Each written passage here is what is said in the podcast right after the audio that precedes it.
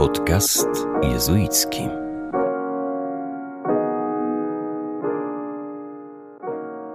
Witamy bardzo serdecznie w kolejnym odcinku naszego podcastu jezuickiego. Kłaniają się nisko Łukasz Sośniak i Dominik Dubiel.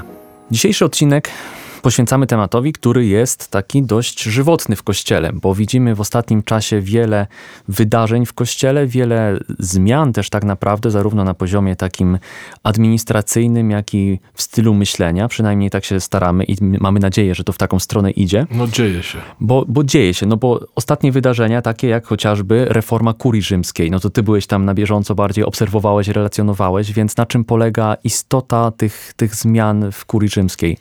No, do, do, końca nie wiemy, o, o, czym rozmawiali kardynałowie na tym konsystorzu nadzwyczajnym, bo nie było nas tam. Nie, jasne. Puścił, ale, ale oczywiście w... dyskutowali w kontekście nowej konstytucji apostolskiej, Predicate Evangelium, która, o którą oczywiście czytaliśmy i wiemy, co tam się znajduje, więc y, taką, taką najważniejszą zmianą to jest, myślę, przejście od instytucji do wspólnoty, tak bym mhm. to określił, e, czyli próba reformy kurii rzymskiej w taki sposób, żeby ona e, z takiej biurokratycznej instytucji, z takiego biura do, zarząd, do spraw zarządzania kościołem stała się e, bardziej misyjna, bardziej ewangelizacyjna, nastawiona właśnie na misję, na misję kościoła, nie?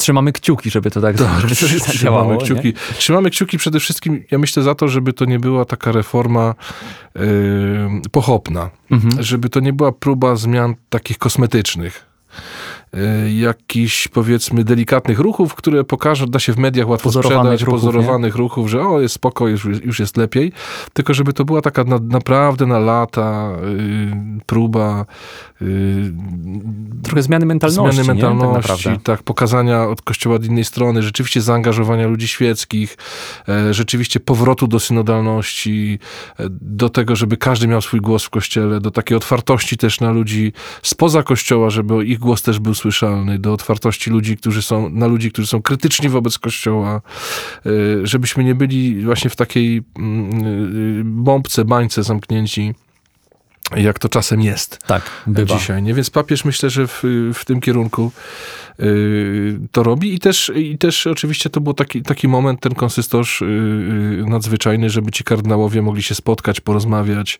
mhm. wypowiedzieć właśnie na temat, jak w ich państwach to wygląda. No bo wiemy, że w naszych syntezach synodalnych to może się pojawiać na przykład, że liturgia powinna być ładniejsza, piękniejsza, lepiej zrobiona i kazania mądrzejsze, nie? Może tak mhm. być, bo to wiem, że się pojawiało no, pojawiały się mniej więcej w tę stronę. Księża mniej oddaleni od świeckich i tego typu sprawy. A na przykład jak rozmawiałem ostatnio z biskupem z Republiki Środkowoafrykańskiej, to jest Polak, mhm. to on powiedział, że tam jest na przykład poligamia i problem i cała synteza y, była skoncentrowana na tym, jak w kościele przyjmować osoby będące w związkach poligamicznych. Mhm. Nie, więc te, te, te, problemy kościoła się strasznie różnią, od, zależnie od regionu i to wszystko, no, ten kościół właśnie też chodzi o to, papieżowi myślę chodzi o to, żebyśmy wszyscy dostrzegli, że Kościół to nie jest tylko nasze tu poletko mhm. polskie, czy, czy na przykład y, Republiki Środkowoafrykańskiej dla, ich mieszka- dla jej mieszkańców, ale że to jest rzeczywistość obejmująca cały świat. Dokładnie. No tak, no też Kościół w Indiach na przykład z innymi problemami się zmaga. No, jasne. no też na przykład system kastowy, nie? To o tym się też tak nie, nie mówi za dużo, ale ale to tak jak chłopaki opowiadali, moi współbracia ze wspólnoty z Indii, była taka afera kilka lat temu, jak e, wybrano biskupa z niższej kasty i księża z jego diecezji go pobili, no nie? bo chciał na nich coś wyegzekwować, a jakby to nawet nie było uznane za jakieś wielkie halo, z tego względu, że po prostu ten system jest tak mocno zakorzeniony, więc dokładnie tak jak mówisz, nie? Problemy... Prześladowania też w Indiach y, obecnie tak. chrześcijan, poważne, coraz bardziej poważne i muzułmanów, którzy są też mniejszością. To jest ciekawe, tak że jest. często myślimy o prześladowaniach, a to pewnie muzułmanie, muzułmanie kogoś, nie? muzułmanie kogoś, a w Indiach właśnie muzułmanie też są tą grupą prześladowaną, więc ten kościół jest bardzo różnorodny. No, myślę, że o to w tym, w tym chodzi w tej konstytucji Predicate Evangelium. Ona nie ma za zadanie wprowadzania jakichś instytucjonalnych, potwornych reform y, w Kościele, ale bardziej zwrócenie uwagi na te akcenty, które są w Ewangelii najistotniejsze. Dokładnie. No i też chyba o to też chodzi w całym procesie synodalnym, nie? o którym też pogadamy jeszcze y, trochę tak naprawdę z naszymi gośćmi dzisiaj, głównie z profesorem Aleksandrem Bańką. E, w drugiej części. W drugiej, w drugiej części, czy właściwie w trzeciej, bo w drugiej porozmawiamy z Kasią Bogul. Tak, tak, tak. E, ale też będziemy dotykać tej, tej kwestii właśnie podmiotowości, podmiotowości osób zaangażowanych w Kościół. Zapraszamy do, do, do naszych rozmów, do spotkania z naszymi gośćmi, Kasią Bogusz i profesorem Aleksandrem Bańką. Podcast jezuicki.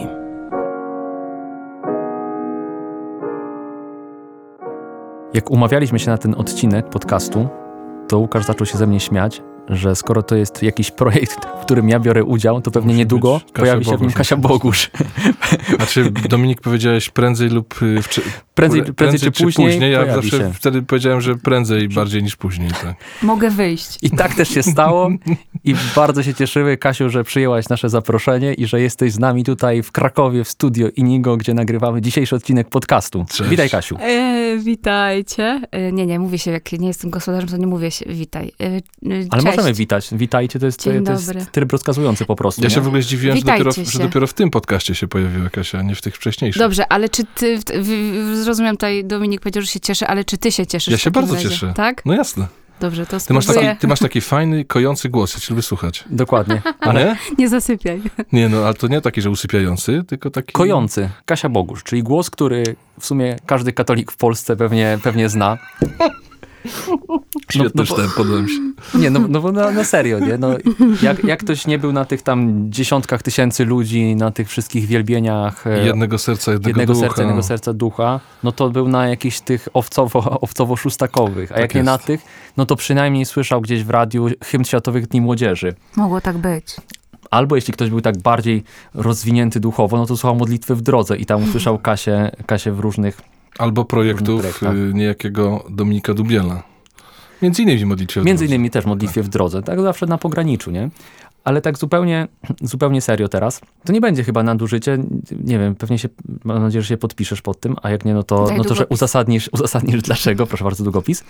Ale ja cię tak postrzegam Kasiu jako człowieka kościoła, nie? jako człowieka, który jest w kościele, który pracuje dla kościoła, działa y, dla kościoła na bardzo różnych, na bardzo różnych polach. Nie? Więc takie pierwsze pytanie to właściwie takie zaproszenie, żebyś się, żebyś się przedstawiła tak, jak ty się czujesz. Kim ty się, kim ty się czujesz, oprócz tego, że Kasią Bogusz? Mm. E, nie zaprzeczę e, na, to, na ten wstęp. Potwierdzę. Y, kim ja się czuję? To jest strasznie trudne pytanie. Nie obiecywaliśmy łatwych pytań, nie? W podcaście. Jestem wokalistką, muzykantką. Y, a jeśli mówimy o kościele, to jestem, y, jestem członkiem wspólnoty mhm. uwielbienia i ewangelizacji Janki w Krakowie.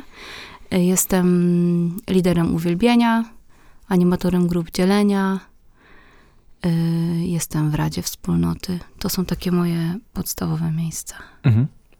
Okej. Okay. I teraz pytanie brzmi tak. No bo tam wymieniliśmy tylko jakąś tam cząstkę tych projektów, w których jesteś zaangażowana, yy, zwłaszcza jako wokalistka, ale właśnie jako też yy, liderka uwielbienia. No i żeby nie, nie, zadać tego sztampowego pytania, które się zawsze zadaje muzykom, jak to się stało, że tutaj zostałaś y, tutaj piosenkarką, ja wokalistką i tak dalej. Jak powstają twoje teksty, ogóle, jeśli ale ktoś to w ogóle powinniście o to zapytać. Ale, Bo ale zapytam... Ty znasz tą historię? Ja... Że ja jestem, e, że jestem z parafii jezuickiej? Ja znam, ale właśnie chciałem zadać to mniej więcej to samo pytanie, tylko w innych słowach. Jak po prostu doszło do tego, że jesteś tą Kasią Bogusz, e, którą właśnie, którą znamy, którą wszyscy tutaj kochamy e, i Jaka je, laurka piękna. Je, nie, ale zupełnie serio, że jesteś w tym miejscu, w którym teraz jesteś też, też tak wychodząc od tego, mm. od tego miejsca w mhm, kościele, mm. czyli jako artystka, jako człowiek mhm. kościoła. Jak, się, jak się jakby kształtowała twoja droga od początku do tego miejsca, w którym jesteś y, teraz? Wow, nie mamy czasu na, na tą opowieść, tak. więc powiem bardzo... Takie punkty y, kluczowe punkt, nie, tak. z tej historii takie kluczowe. Nie wiem, jak bardzo kluczowy jest ten pierwszy przystanek, czyli właśnie e, parafia w Szczecinie, jezuicka, gdzie w wieku chyba 6 lat, e, zdaje się, e, po prostu śpiewałam w scholi parafialnej i to były takie moje pierwsze zetknięcia z tym, że można, że nie tylko organista może śpiewać w kościele. Mhm. Nie będę tutaj się rozwodzić nad tematem nad tematem tej, prawda, liturgii dla dzieci i tych wszystkich klimatów, bo to jest osobny temat. Ale tak, tam, tam się zaczęło. Y, stamtąd również mam blizna na kolanie z, właśnie z kolonii z jezuitami na, na wyspie Wolin. Y, więc takie, tak, to, więc to na pewno mnie ukształtowało, bo noszę to brzemię, po, to, to znamię wręcz po, po, po dziś dzień. No i zainspirowało cię, żeby poszukać jednak poza parafią czegoś. tak mniej więcej. E, tak, dru, drugim bardzo ważnym przystankiem, który właśnie był e, jakoś tam bez, bez, bez wchodzenia w, w szczegóły, to było poznanie e, grupy ludzi, która, która zainspirowana takimi właśnie śpiewami, e, śpiewami dominikańskimi, liturgicznymi, czterogłosem, e, śpiewnikiem niepojętej trójcy, e, spotykała się przy, przy, przy Boże, krakowskiej, już tu wsiąkłam, przy szczecińskiej farze mhm. i tam tworzyła taką scholę właśnie i mój kolega, z którym właśnie wcześniej u jezuitów, a y, gdzieś tam tworzyłam, tworzyłam jakieś tam, jakąś tam grupę muzyczną, śpiewaliśmy, służyliśmy na jakichś rekolekcjach. Y, zaprosił mnie, spotkaliśmy się w tramwaju przypadkiem i zaprosił mnie właśnie do fary. Ja weszłam i, i po prostu mnie zmiotło. Zobaczyłam scholę, która śpiewa w czterogłosie w Stowarzyszeniem Gitary Basowej i to mnie mm. po mhm. prostu totalnie jakoś o, o, o, zmiotło. I to był bardzo ważny punkt, to jest moje duszpasterstwo, to są lata moje licea, całe moje liceum i większość, większość studiów potem, potem y, y, katedra. Y, jednocześnie cały czas gdzieś tam śpiewałam, też w zespole dziecięcym, jakby zupełnie świeckim, więc gdzieś tam to, to śpiewanie było zawsze dla mnie ważne. E, było też moim takim językiem wyrażania się. Mhm. Było też na pewno takim mm, czymś, co, co, co było moją modlitwą. No dlatego, że to był mój język, to pe pewnie, pewnie tak to się wiąże. Mhm. Yy, I Potem bardzo z grubsza, bardzo z grubsza, bo masa różnych akcji wspólnych, y, koncertów, nocy czuwania, liturgii, obstawiania, tak brzydko mówiąc y, technicznie, obstawiania tridów paschalnych w katedrze szczecińskiej y, i tak dalej, i tak dalej. Rozkochanie totalnie właśnie w, w liturgii, w, w Eucharystii, w po prostu w tych wszystkich, w tych, w tych, tych wszystkich rzeczach, które, które, które jakoś tam były nam bliskie, więc modliliśmy się brewiarzem. E, robiliśmy też masę, masę szalonych rzeczy. Mieliśmy, nie wiem, czy to, czy to e, się nadaje, ale jak ja pojechałam na pierwszy wyjazd właśnie z tymi ludźmi, bo właśnie weszłam w niedzielę do kościoła, zobaczyłam ich, a już w e, następny weekend jechałam z nimi do leśniczówki i leżeliśmy w 16 osób na jakichś takich złączonych pięciu, takich, wiecie, takich, takich totalnie niewygodnych łóżkach. Jeden z, mój kolega miał gitarę, grał na tej gitarze i my przekręcaliśmy wszystkie pieśni religijne, jakie nam przychodziły do głowy, więc to pielgrzymki tak robią cały czas przecież. Ale nie, to, to w drugą nie w tym, stronę. To nie w tym, tak, tak, tak, właśnie w drugą stronę. I stworzyliśmy wtedy coś, co się nazywało PPP, profanatorzy pieśni pobożnych. Już mi się no podoba kierunek, tak, którym idzie to ta rozmowa. Klimaty, tak. Ja rozumiem, że dzisiaj zostanie wykonana chociaż jedna z takich, tak? Czy... No wypadałoby. Nie, nie, nie błagam. Okay. Spójrzmy na to zasłonę milczenia, niech każdemu wyobraźnia podpowie, co to mogłoby być. E, w każdym razie następnie taki duży, duży krok to jest przeprowadzka do Krakowa. Tutaj pierwsze kroki kieruję do, kieruję do, e, do Dominikanów, żeby śpiewać w scholi. Tutaj jeszcze studiuję coś tam z małymi sukcesami, ponieważ już jakby wiodę od, od kilku lat życie koncertowe i, i, i, i trafiam do zespołu Dikanda chwilę przed przeprowadzką do, do Krakowa, z którym to koncertuję już teraz kilkanaście lat i, i to jest takie moje główne, główne zajęcie życiowe. E, no więc trafiam tutaj, jest, jest schola, są Dominikanie, poprzez scholę trafiam e, na spotkania wspólnoty Janki, e, zadziwia i, i, i jakby ujmuje mnie fakt, że właśnie Eucharystia ma swoje, swoją, swoją wagę, swoją, nazwijmy to, godność i, i że jest właśnie ten śpiew yy, Y, jakoś tam y, naprawdę zadbane tematy i to mnie bardzo ujęło, bo właśnie tak jak wtedy mnie uderzyło, jak weszłam do tej fary, tak drugi raz gdzieś tam Pan Bóg mnie do siebie w ten sposób y, przyciągnął. No i dalej już przygoda Janki, która trwa w moim życiu już chyba 8 lat, różne takie tam przestrzenie. Poznawałam, czym chciałam robić wszystko. Chciałam modlić się wstawienniczo, chciałam, chciałam po prostu robić wszystko. I wraz, y, ponieważ żeby wejść do, do, do naszej wspólnoty, przechodzimy seminarium Odnowy Życia Chrześcijańskiego. To jest tam takie 10-11 tygodniowe rekolekcje, podczas których jest czytane y, słowo, codzienna modlitwa Lekcja Divina, taka około półgodzina y, i kate, takie katechezy, nauczania. Mm, więc jakby na koniec tego czasu jest modlitwa z prośbą o wylanie ducha. I Duch Boży przychodzi z nieco dziwnymi darami, a jednym z nich jest taki dar modlitwy, śpiewem, jakby nie, nie już, już nie tylko samą czynnością, jak się, nie wiem, piekarz może oddać swoją pracę jako mhm. modlitwę, mhm. że, że oddaje po prostu ten czas i ten wysiłek y, Panu Bogu, to już nie tylko samą czynnością, ale też jakby taka, taka, taki dar, łaska wylewania serca właśnie śpiewając. I tą drogą póki co, ponieważ Duch Święty jest wolny i może w każdej chwili zrobić co chce, ale póki co ten dar mi y, zostawia i właśnie taką drogą idę. Więc jest, jest zespół Owca, w którym y, właśnie też jakoś, jakoś y,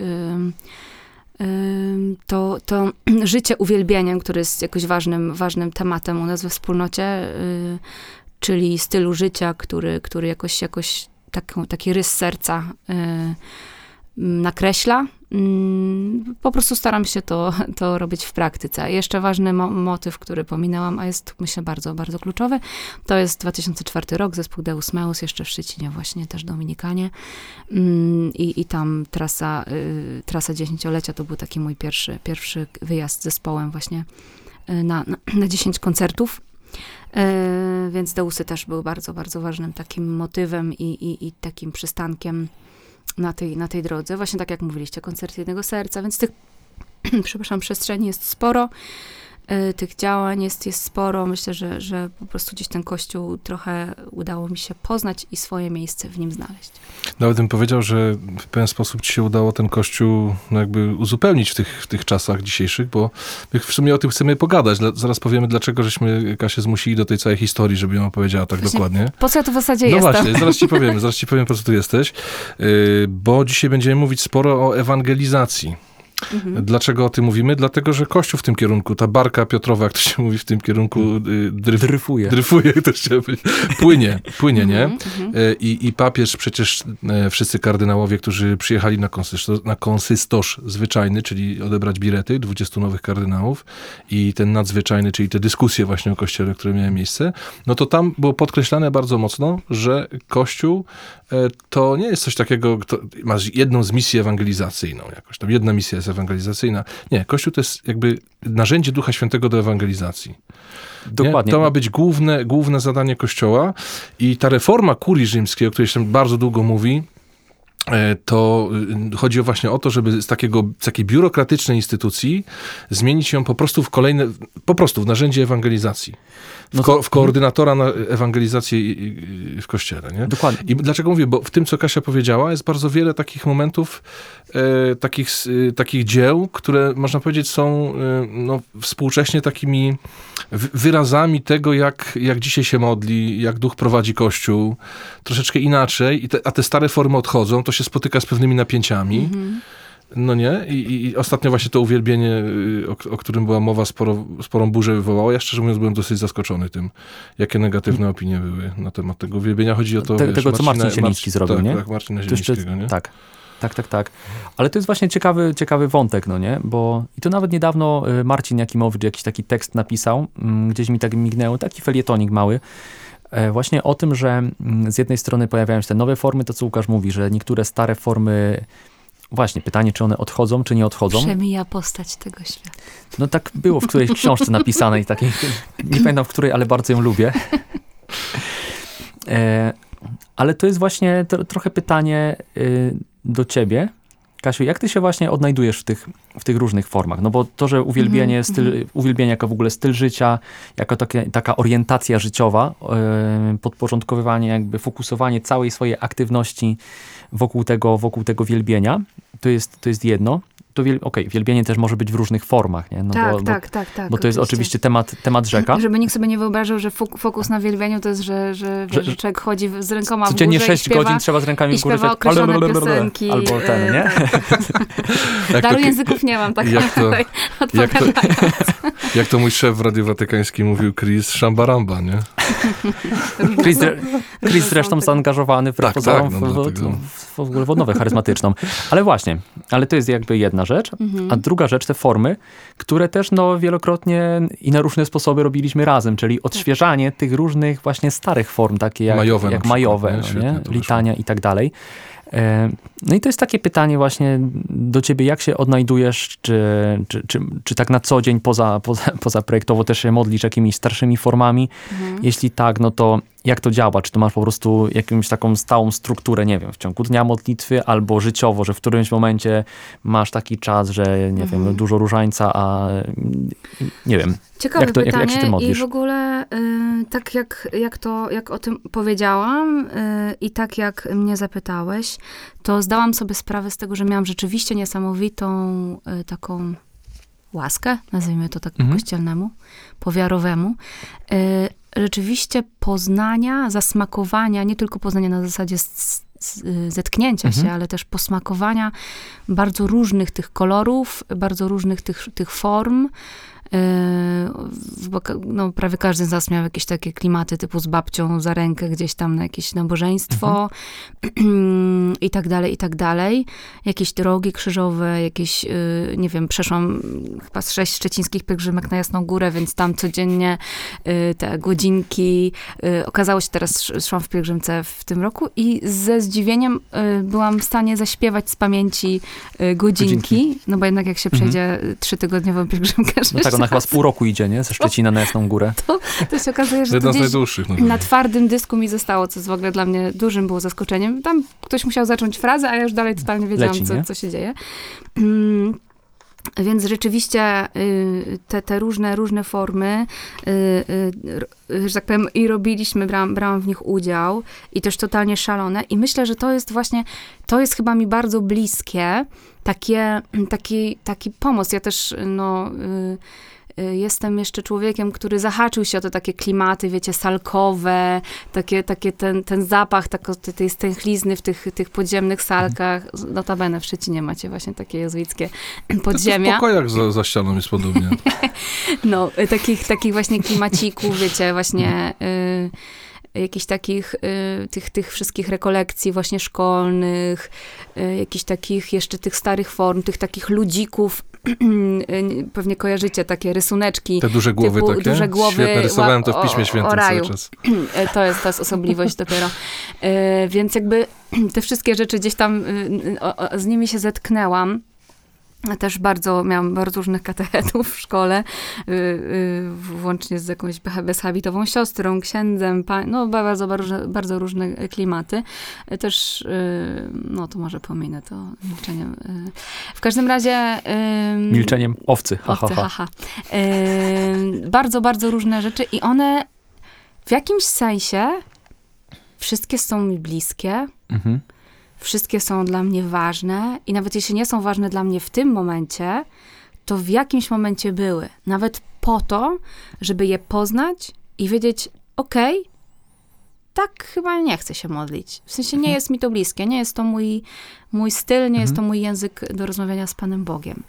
Yy, to wszystko, jestem o tym przekonana, nie mówię teraz tylko po to, żeby zabrzmieć jakoś tak y, inkluzywnie, miło i, i, i, i wierząco. Naprawdę to mnie, to mnie ukształtowało mhm. jako, jako y, człowieka kościoła, jako, jako osobę, no nazwę to po prostu katoliczkę, y, chrześcijanina, to mnie ugruntowało. E, I myślę, że no, jestem osobą, która stara się dość świadomie jakoś tam budować y, swoje, swoje życie. Jakoś właśnie zaczęłam wybierać, nie? Mhm. Co, jest, y, co jest mi bliskie z jednej strony, a z drugiej strony dawałam, daj Boże, mam nadzieję, y, tak to czuję, się poprowadzić. I tak jak spytałeś, rzeczywiście tak jest, że mam czasy. Mam czasy, mam nawet właśnie jak śpiewałam w Deusach, to przyjęłam właśnie ten taki bagaż tej, no też tego repertuaru, tak, właśnie z tych sprzed tych dwóch, trzech, czterech dekad. Już tak, e, niestety. Tak zwana stara muzyka, jak ja to mówię, mam nadzieję, że tak. nikogo nie obrażam, ale... Ale, ale, no, ale... ale to w ogóle, no inaczej się pisało no, też, inaczej tak, się tak, produkowało tak, muzykę, to w ogóle to nie jest kwestia tylko chrześcijańskiej muzyki. Dokładnie, nie? dokładnie, więc jakby cały ten, ten, ten, e, ten staw y, miałam okazję i przyjemność i, i radość poznać y, i, i, i to jest y, jakby śpiewałam te pieśni y, na tych koncertach, modliłam się tym i miałam taki moment, w którym to zakontestowałam. I Deusy miały taką, y, Deusy miały taką nie wiem, nie, nie umiem znaleźć słowa, więc przypadłość, chociaż to jest kompletnie nie to słowo, że śpiewały... Charakterystykę. Dziękuję. że śpiewały zarówno takie właśnie koncerty pieśni chwały, ale był też repertuar postny i później jeszcze adwentowy. Mhm. I ja miałam takie coś, taki mo, mo, motyw, moment, y, też on trwał dość długo, nie, to nie była kwestia tygodnia, tylko jakieś tam, powiedzmy, miesięcy, y, kiedy ja po prostu na te koncerty pieśni chwały jeździłam na zasadzie, okej, okay, jakoś to wytrzymam, natomiast kochałam, kochałam totalnie te koncerty, właśnie kiedy śpiewaliśmy te pieśni postne, kiedy śpiewaliśmy te adwentowe, totalnie mnie to jarało, totalnie po prostu moje serce wtedy jakoś płonęło, y, mówiąc y, poetycko, ale, ale naprawdę czułam się tak, wtedy taka poruszona i, i, i czułam się w, w, jakby w swoim miejscu, mhm. nie? Więc to jest ym, i to też był taki moment, w którym kon, jakby ta kontestacja taka, chciałam zna, znaleźć w tym siebie, nie? Mówię, okej, okay, to są jakieś takie tłumaczenia pieśni, to są jakieś trochę takie gospelowe momentami, coś, jak chcę znaleźć swój język, jak chcę znaleźć tak. swoją pieśń, nie? Mhm. Jakby, że nasze życie, które ma być pieśnią dla Boga, Boga, chciałam tą swoją melodię znaleźć wreszcie, tak. nie? I, I jakoś bardzo bliskie właśnie były mi te, te śpiewy liturgiczne, czy około liturgiczne. Y, mimo to, że nie mam żadnego wykształcenia muzycznego, więc jakby paradoksalnie, tak, śpiewanie z nut według jakiegoś tam mhm. y, y, ustalonego z góry schematu, w jakimś stopniu odtwórcze, a, a, a gdzieś mnie niosło totalnie modlitewnie. Mm, gdzie ja, człowiek freestyle, o, opieram całe swoje po prostu działalność muzyczną na jakiejś, jakiejś totalnej, szalonej improwizacji, jednej wielkiej. Także, także to, to, to pamiętam i rzeczywiście są czasy. Są czasy, kiedy y, nawet będąc już we wspólnocie, pamiętam jak mnie kiedyś nad owsianką po prostu złapało uwielbienie tak, że, że bałam się, że mi się zjara zaraz coś, bo naprawdę chyba, nie wiem, czy kilka razy w życiu tylko czegoś takiego doświadczyłam, że po prostu musiałam rzucić wszystko i po prostu, wiecie, bez żadnej muzyki, bez śpiewania, po prostu musiałam, tak jakby się Boży Duch we mnie upominał o to, żeby, żeby Pana Boga uwielbić. Mm, tak, aż, aż, tak, aż takie, takie uczucie, aż takiego przytykania, nie? Tak, wow. Ja pod tym okapem, wiecie, po prostu tak. tą owsianką, to był gruby odjazd, więc... A to y zawsze w różnych miejscach Pan Bóg, y, ja takie coś przyznam szczerze, miałem pod prysznicem kiedyś.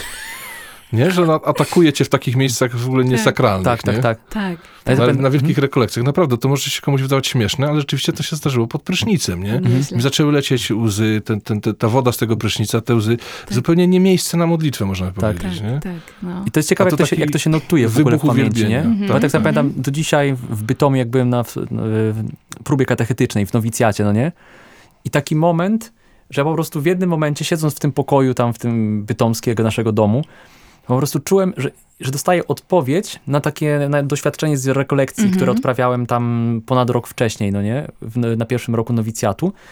I to, dokładnie, to, do, dokładnie to samo uczucie, nie? Mm -hmm. I do dzisiaj pamiętam to miejsce, i co się wtedy działo. Nie, to jest no, niesamowite. No, a, a mam czasy, kiedy po prostu jest na przykład adoracja w ciszy, jest moją ulubioną modlitwą i przyznam, że te czasy są dość długie. Właśnie tego, kiedy jestem, kiedy lubię adorację, te takie fale, yy, mam jakieś takie, nie wiem, może to nie jest koniecznie zgodne z cyklem roku liturgicznego, ale mam takie jakieś swoje cykle z Panem mhm. Bogiem.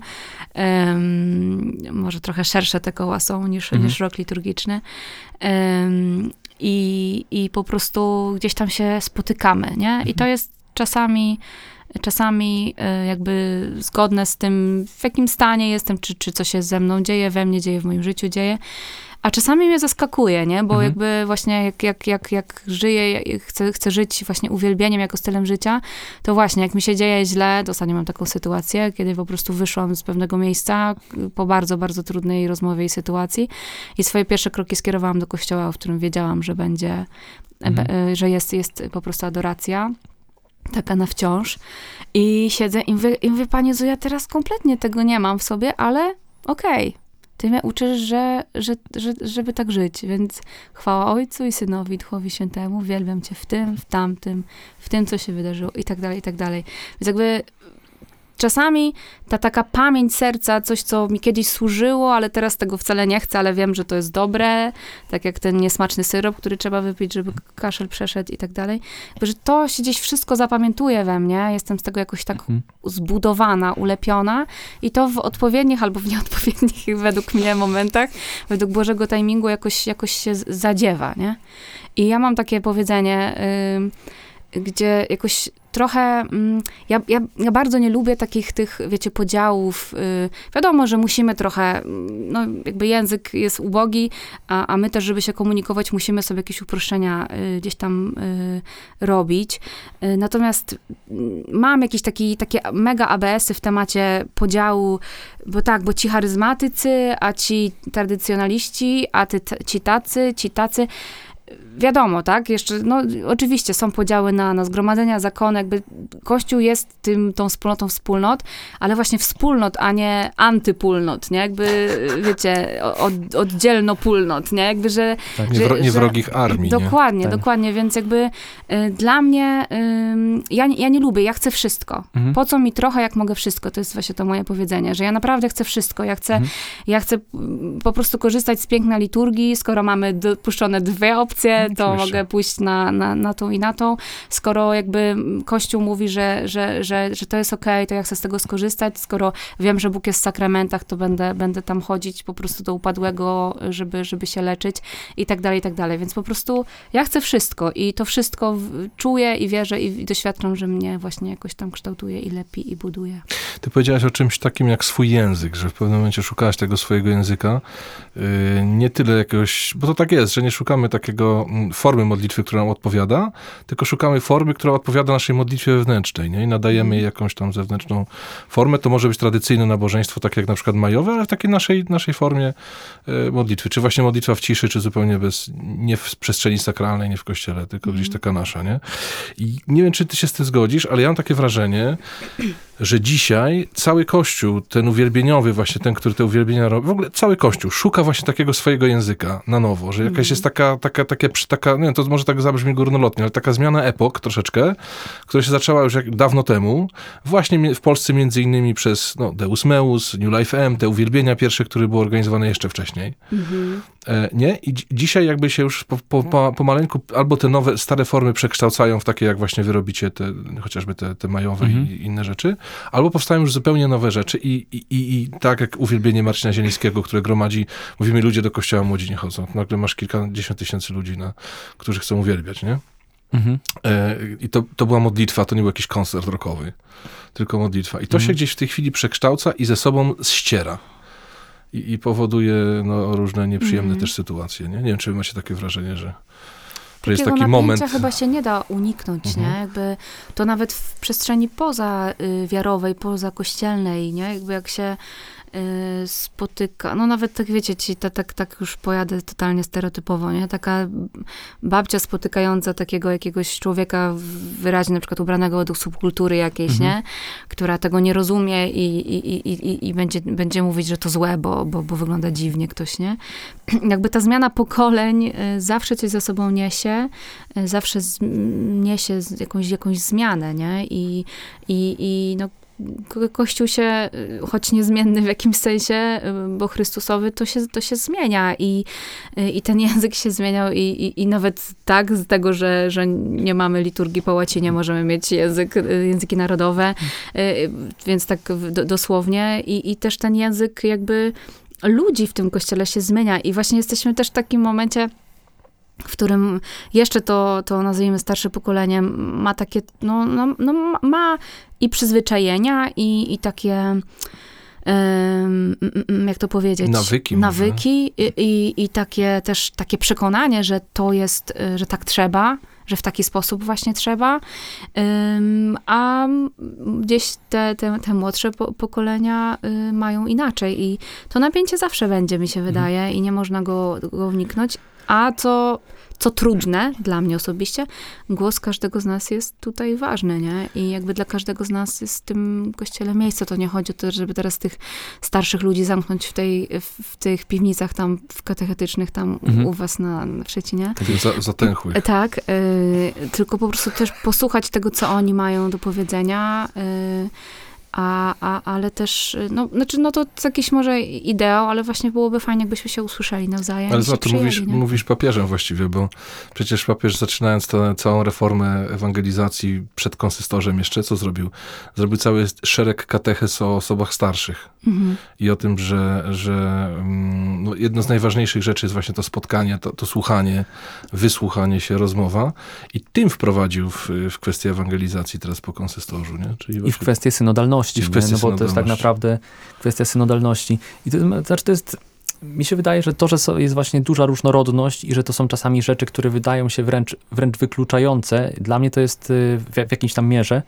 Moim zdaniem to jest ok, tylko to jest właśnie chyba nasza odpowiedzialność jako powiedzmy no powiedzmy ludzi kościoła, pewnie jak tutaj już ustaliliśmy, że pewnie wszyscy się tak tutaj obecni z grubsza identyfikujemy, żeby pokazywać, że to nie jest powód do, do tego, żeby wchodzić w konflikt, czy żeby szukać kto jest lepszy, kto jest tak. gorszy i, kto, i czyja racja jest mojsza, tylko żeby widzieć, że okej, okay, to są formy, które, które są które są jakimiś tam różnymi ekspresjami ducha, nie? Patrząc na to, jak my jesteśmy totalnie różni w różnych aspektach naszego życia, nie? W naszych zwyczajach, kiedy chodzimy spać, kiedy wstajemy i kiedy robimy przeróżne rzeczy.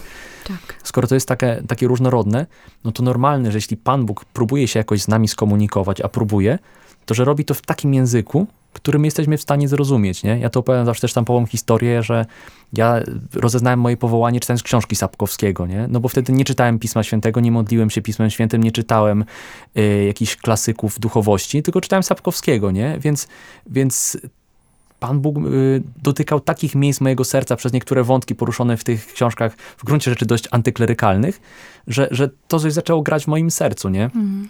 Więc tym bardziej, jeśli chodzi o różnorodność wspólnot, y, duchowości i tak dalej.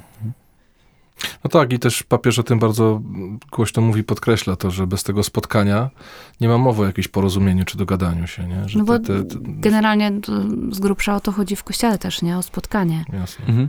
I tak nie wiem, nie wiem jakie macie teraz, y, y, jaką macie myśl, za którą chcecie pójść, ale ale tak robiąc na przykład te duże takie spotkania, jakieś modlitewne, też z egzowcą na przykład mamy, to, to mnie przekonuje y, do tego, żeby to robić, y, to właśnie to, że ludzie się po prostu potrzebują spotkać, nie? I tak y, mam takie jestem, mam też, y, uświadamiam sobie w takich chwilach, że jestem totalnie rozpieszczona, bo mam właśnie, mam swoje, wiecie, swoje stado, mam, to są jednocześnie moi przyjaciele, ludzie, mam totalną po prostu, wiecie, jakby grupę, grupę taką wspierającą, y, no totalnie piękne, wspaniałe takie środowisko do, do życia tutaj. A to nie jest oczywiste, nie? A to i właśnie, nie? Wiecie, Dokładnie. jakby po prostu epidemia, ja nie mam za co żyć, ktoś z, przychodzi ze wspólnoty, w ogóle wciska mi dziesięcinę, ja w ogóle, wiecie, szok, nie? Y, chociaż wiem, że to takie rzeczy się po prostu robi w kościele i mhm. że, że, że Pan Jezus tak jakby że tak, tak powiem, zachęcał. Tak Pan Jezus powiedział. tak Pan Jezus powiedział. Taki, taki Żyd sprzed dwóch tysięcy lat jakby gdzieś tam zachęcał, więc... więc yy... Puść, puść Dominik, puść. Nie wiesz, o czym mówię. Ty mów, on znajdzie, tak, co tak. Tak, e, więc, y, więc po prostu... Y, wybiliście teraz. No, więc jakby totalnie wiem, że y, mam, mam naprawdę takie, taki, powiedziałabym, jakiś rodzaj inkubatora. Czuję się, wiecie, w kościele wysłuchana. Czuję się sprawcza nie wiem, współorganizujemy jako, jako wspólnota z y, braćmi Triduum przed zesłaniem Ducha Świętego. To jest bardzo takie nasza inicjatywa, ale jak tylko się da, chcemy to robić po prostu jakby z całą rodziną, no w tym przypadku dominikańską tam mhm. u nas. I, i, i, i, i taki, taka myśl, żeby robić to naprawdę wspólnie. Ja byłam w tym roku taką osobą, która właśnie była osobą kontaktową odnośnie liturgii, nie? Mhm. Wiecie, po prostu jakby i moim zadaniem było kontaktować się z bratem liturgistą, żeby jakby wszystkie szczegóły dograć, żeby nie było żadnych tam, tam wtop, czytania, wszystkie i tak dalej, bo tą pełną liturgię tak. Wigilii, Wigilii Zesłania robiliśmy. Więc jakby naprawdę mam, mam poczucie sprawczości, wysłuchania tego, że, że, że jakby mój głos jest słyszalny i ma wpływ. Yy, i myślę sobie właśnie w takich chwilach, i, i, wydaje mi się to taką, wiecie, normą, nie? Mhm. Takim typu totalnym, totalnym punktem wyjściowym i za chwilę myślę, weź się puknij w głowę. po prostu jesteś w, nie chcę powiedzieć uprzywilejowanym, bo to nie, nie chodzi o przywilej, jakby to jest w ogóle złe słowo, ale w takim... Ale jesteś. W, ta, no, w tym kontekście, tak, nie? W tak, sensie... tak. Szukałabym lepszego słowa, które oddaje ten sens takiego właśnie, y, y, y, takiego czegoś niecodziennego, y, no to może właśnie powiem, nie? w niecodziennej sytuacji jestem, nie? Tak Chociaż jest. powinno to być właśnie codzienne i, i każdy z nas powinien tak się w kościele czuć, czego w ogóle bardzo bym wszystkim życzyła. Y, natomiast uzmysławiam sobie i na przykład kończąc pielgrzymkę pieszą, zastanawiam się, czemu ci ludzie się tak ściskają po tym, Mhm. pod, pod, pod tymi tirami tam, w sensie ty, przy tych bagażach, Tak. jakby się tam mieli po prostu, żegnali się na 100 lat, a później sobie myślę, no tak, ale ty wracasz do domu, masz po prostu, y, jeszcze tego samego wieczora wpada do ciebie ekipa, robicie pizzkę i po prostu wspominacie, następnego dnia też się spotykacie, a za parę dni masz spotkanie wspólnoty, na które idziesz i masz po prostu przedłużenie tego, tych paru dni na pielgrzymce przez cały rok i dlaczego, dlatego ciebie to tak nie, nie masz takich potrzeb, bo po prostu masz to na co dzień, nie? Tak jest. A, a dla tych ludzi to jest coś to jest zupełnie święto. święto. Tak jest. Święto jedno w roku. Tylko e, Łukaszowi chodziło o to w tym momencie, jak, Śmiało. jak, jak mówiłaś, Napiję że się w międzyczasie. Tak, Pan Jezus powiedział. Amen, bracie. Amen. Ale zobaczcie, tak Pan Jezus powiedział, ale zobaczcie, właśnie o to chodzi. Powiedziałaś, wys, wymieniłaś takie dwa słowa. Wysłuchana i sprawcza. To jest y, dokładnie to, co ma być punktem dojścia tej synodalności, nie?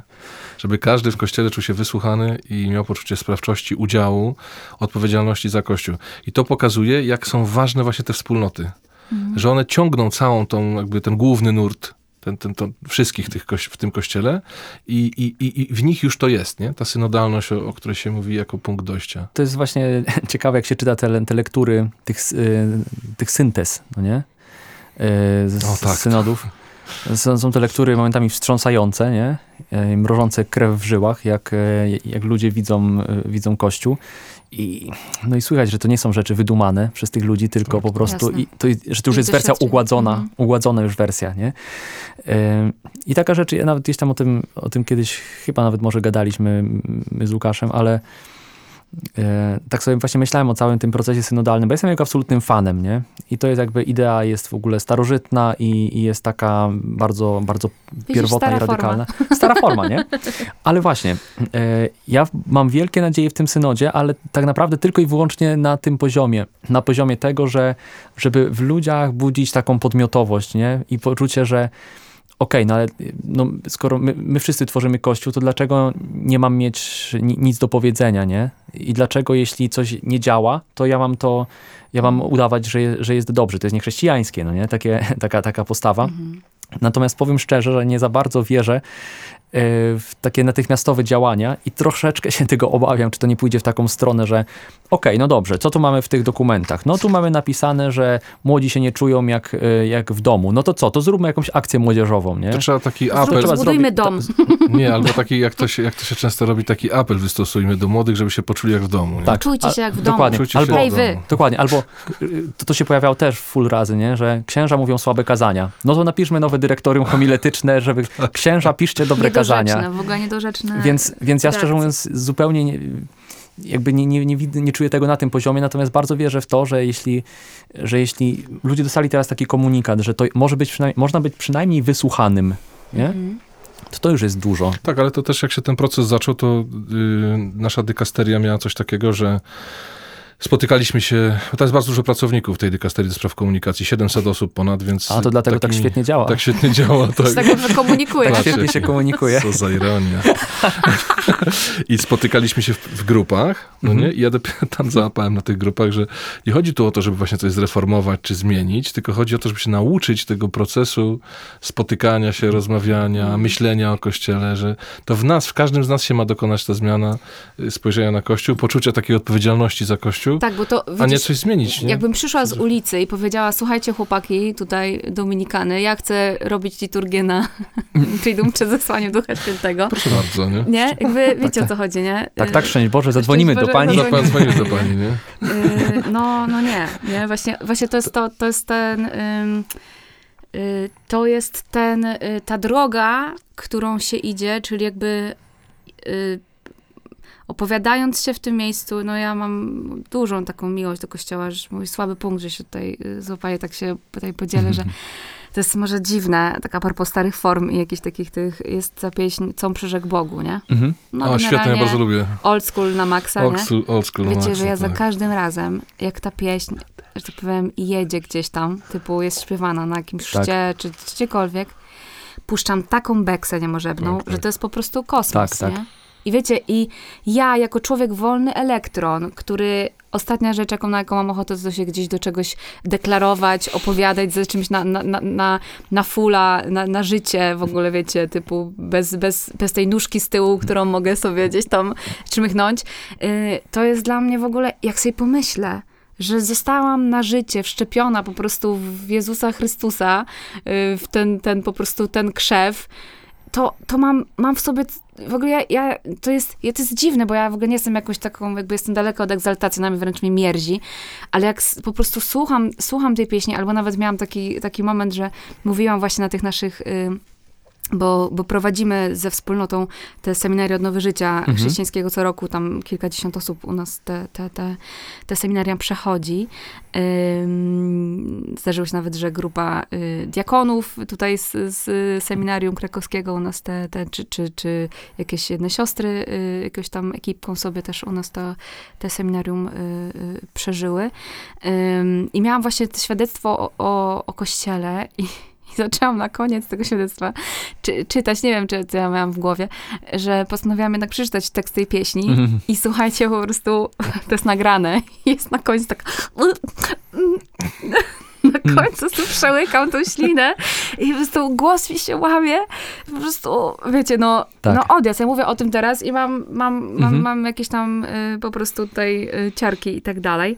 Y, naprawdę kocham, kocham Kościół i, i właśnie Czyli jestem tu, jak to się mówi, na dobre i na złe. Y, jak się dzieją złe rzeczy, to, to po prostu czuję się podle, tak jakby ktoś z mojej rodziny zrobił coś, coś mhm. złego i przeżywam to bardzo ciężko.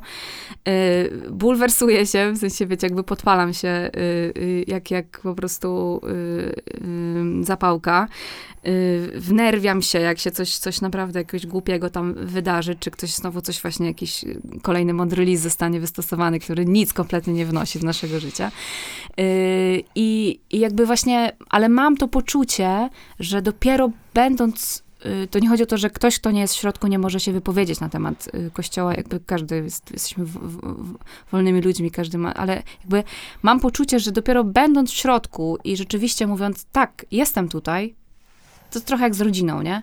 Jestem tutaj i dlatego, że mi zależy, to po prostu na przykład tak, nie wiem, pójdę kogoś upomnę yy, yy, albo dam się upo upomnieć, nie? Jak ktoś mi przyjdzie i powie, słuchaj, no, słuchaj, no, tutaj teges szmeges, nie?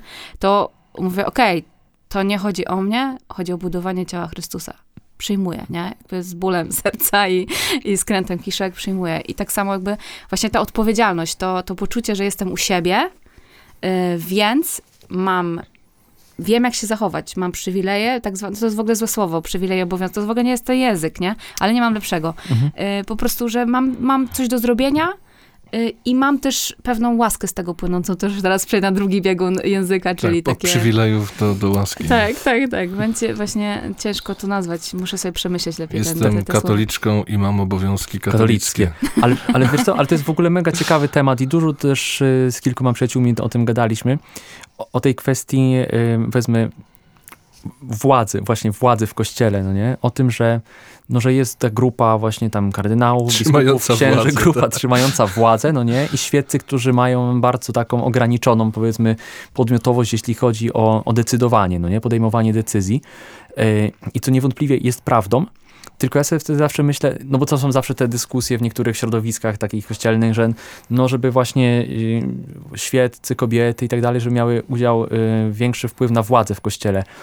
Ja sobie myślę, że to jest jakby na poziomie takim operacyjnym to jest słuszne, ale na poziomie y, myślenia i punktu wyjścia, to jest absolutnie jesteśmy w błędnym punkcie wyjścia, no nie? Że w sensie chodzi o to, że porozmawiajmy o tym, jak możemy podzielić odpowiedzialność za Kościół, nie? Co możemy zrobić, y, żebyśmy, żebyśmy po prostu myśleli wspólnie o, o, o Kościele. O, podzielmy się odpowiedzialnością, no nie? I władzą jako konsekwencją odpowiedzialności. To bardzo mi się podobało, jeden z nasz taki, taki współbrat ym, y, ze Stanów, który y, uczy liturgii w Bostonie, on do jednego z naszych współbraci, tak, który przyjął święcenie diakonatu, mówi mu gratulacje, zostałeś zdegradowany do roli diakona w kościele. Nie? No bo wszyscy jesteśmy przede wszystkim królewskim kapłaństwem Jezusa Chrystusa. Natomiast przychodzi taki moment, że się, że okej, okay, część zostaje powiedzmy zdegradowana w tym sensie, żeby bardziej służyć, więc Ale władza widzisz, jest mhm. pochodną odpowiedzialności, nie? Wspólnej tak, troski. Sku skupiam się na tym języku i jakby, nie wiem, mm, jest, język jest dla mnie ważny, bo, mhm. bo, bo jakoś kształtuje y, raz, że komunikację, dwa rzeczywistość w jakimś tam y, sensie i stopniu. Tak jak pan Wittgenstein powiedział.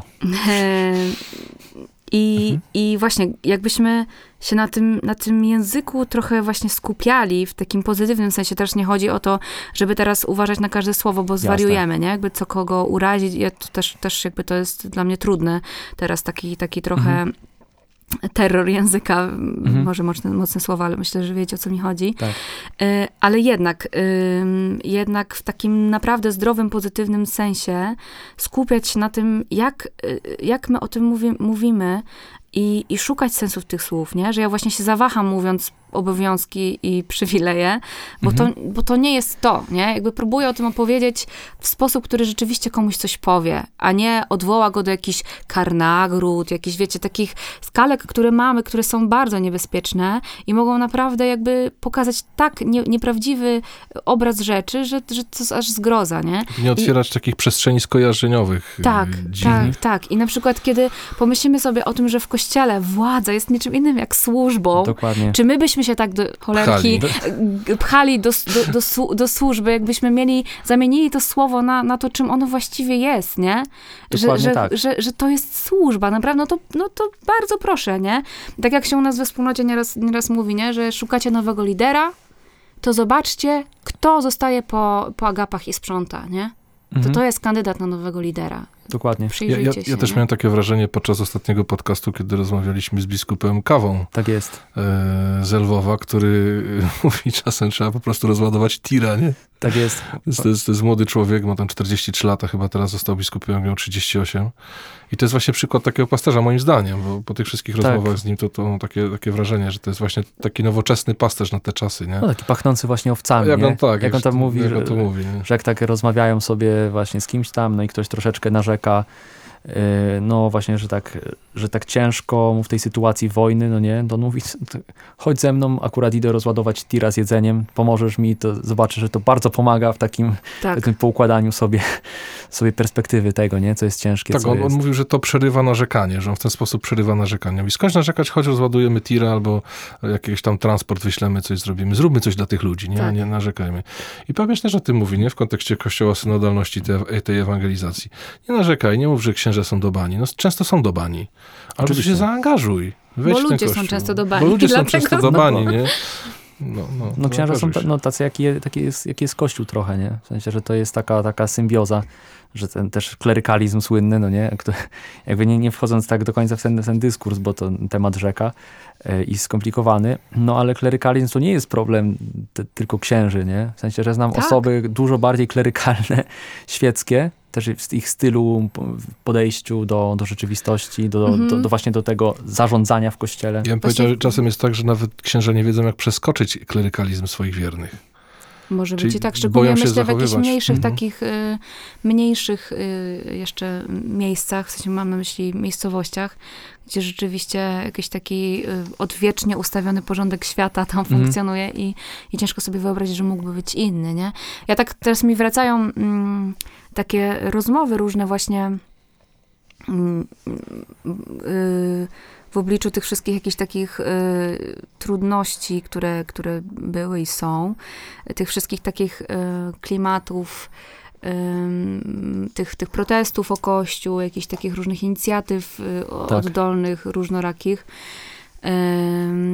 Pa, pamiętam jakieś takie rozmowy i, i, jakieś takie pytania, nie wiem w sumie czemu do mnie kierowane, ale, ale właśnie były, nie? Że, że co, ja, co ja w ogóle mogę zrobić, jaki ja mam, jaki ja mam wpływ, nie? Że co ja jako taki, taki zwykły po prostu katolik i już taki już na krawędzi yy, yy, po prostu przekonania yy, mam, mam, mogę zrobić, nie? I tak w sumie sporo się zastanawiałam nad, taką, nad tą odpowiedzią, nie? I, ym, I pomyślałam sobie, no możesz, jeżeli to cię tak boli, no to możesz zrobić to, że po prostu napotkanych księży nie będziesz traktował jak księciów, nie? Jakby, że to to każdy z nas naprawdę może zrobić, nie? I to teraz nie chodzi o to, żeby, żeby teraz traktować jak wroga, tak, tylko pognębić normalnie, i po nie? prostu napluć pod nogi. nie? Dokładnie.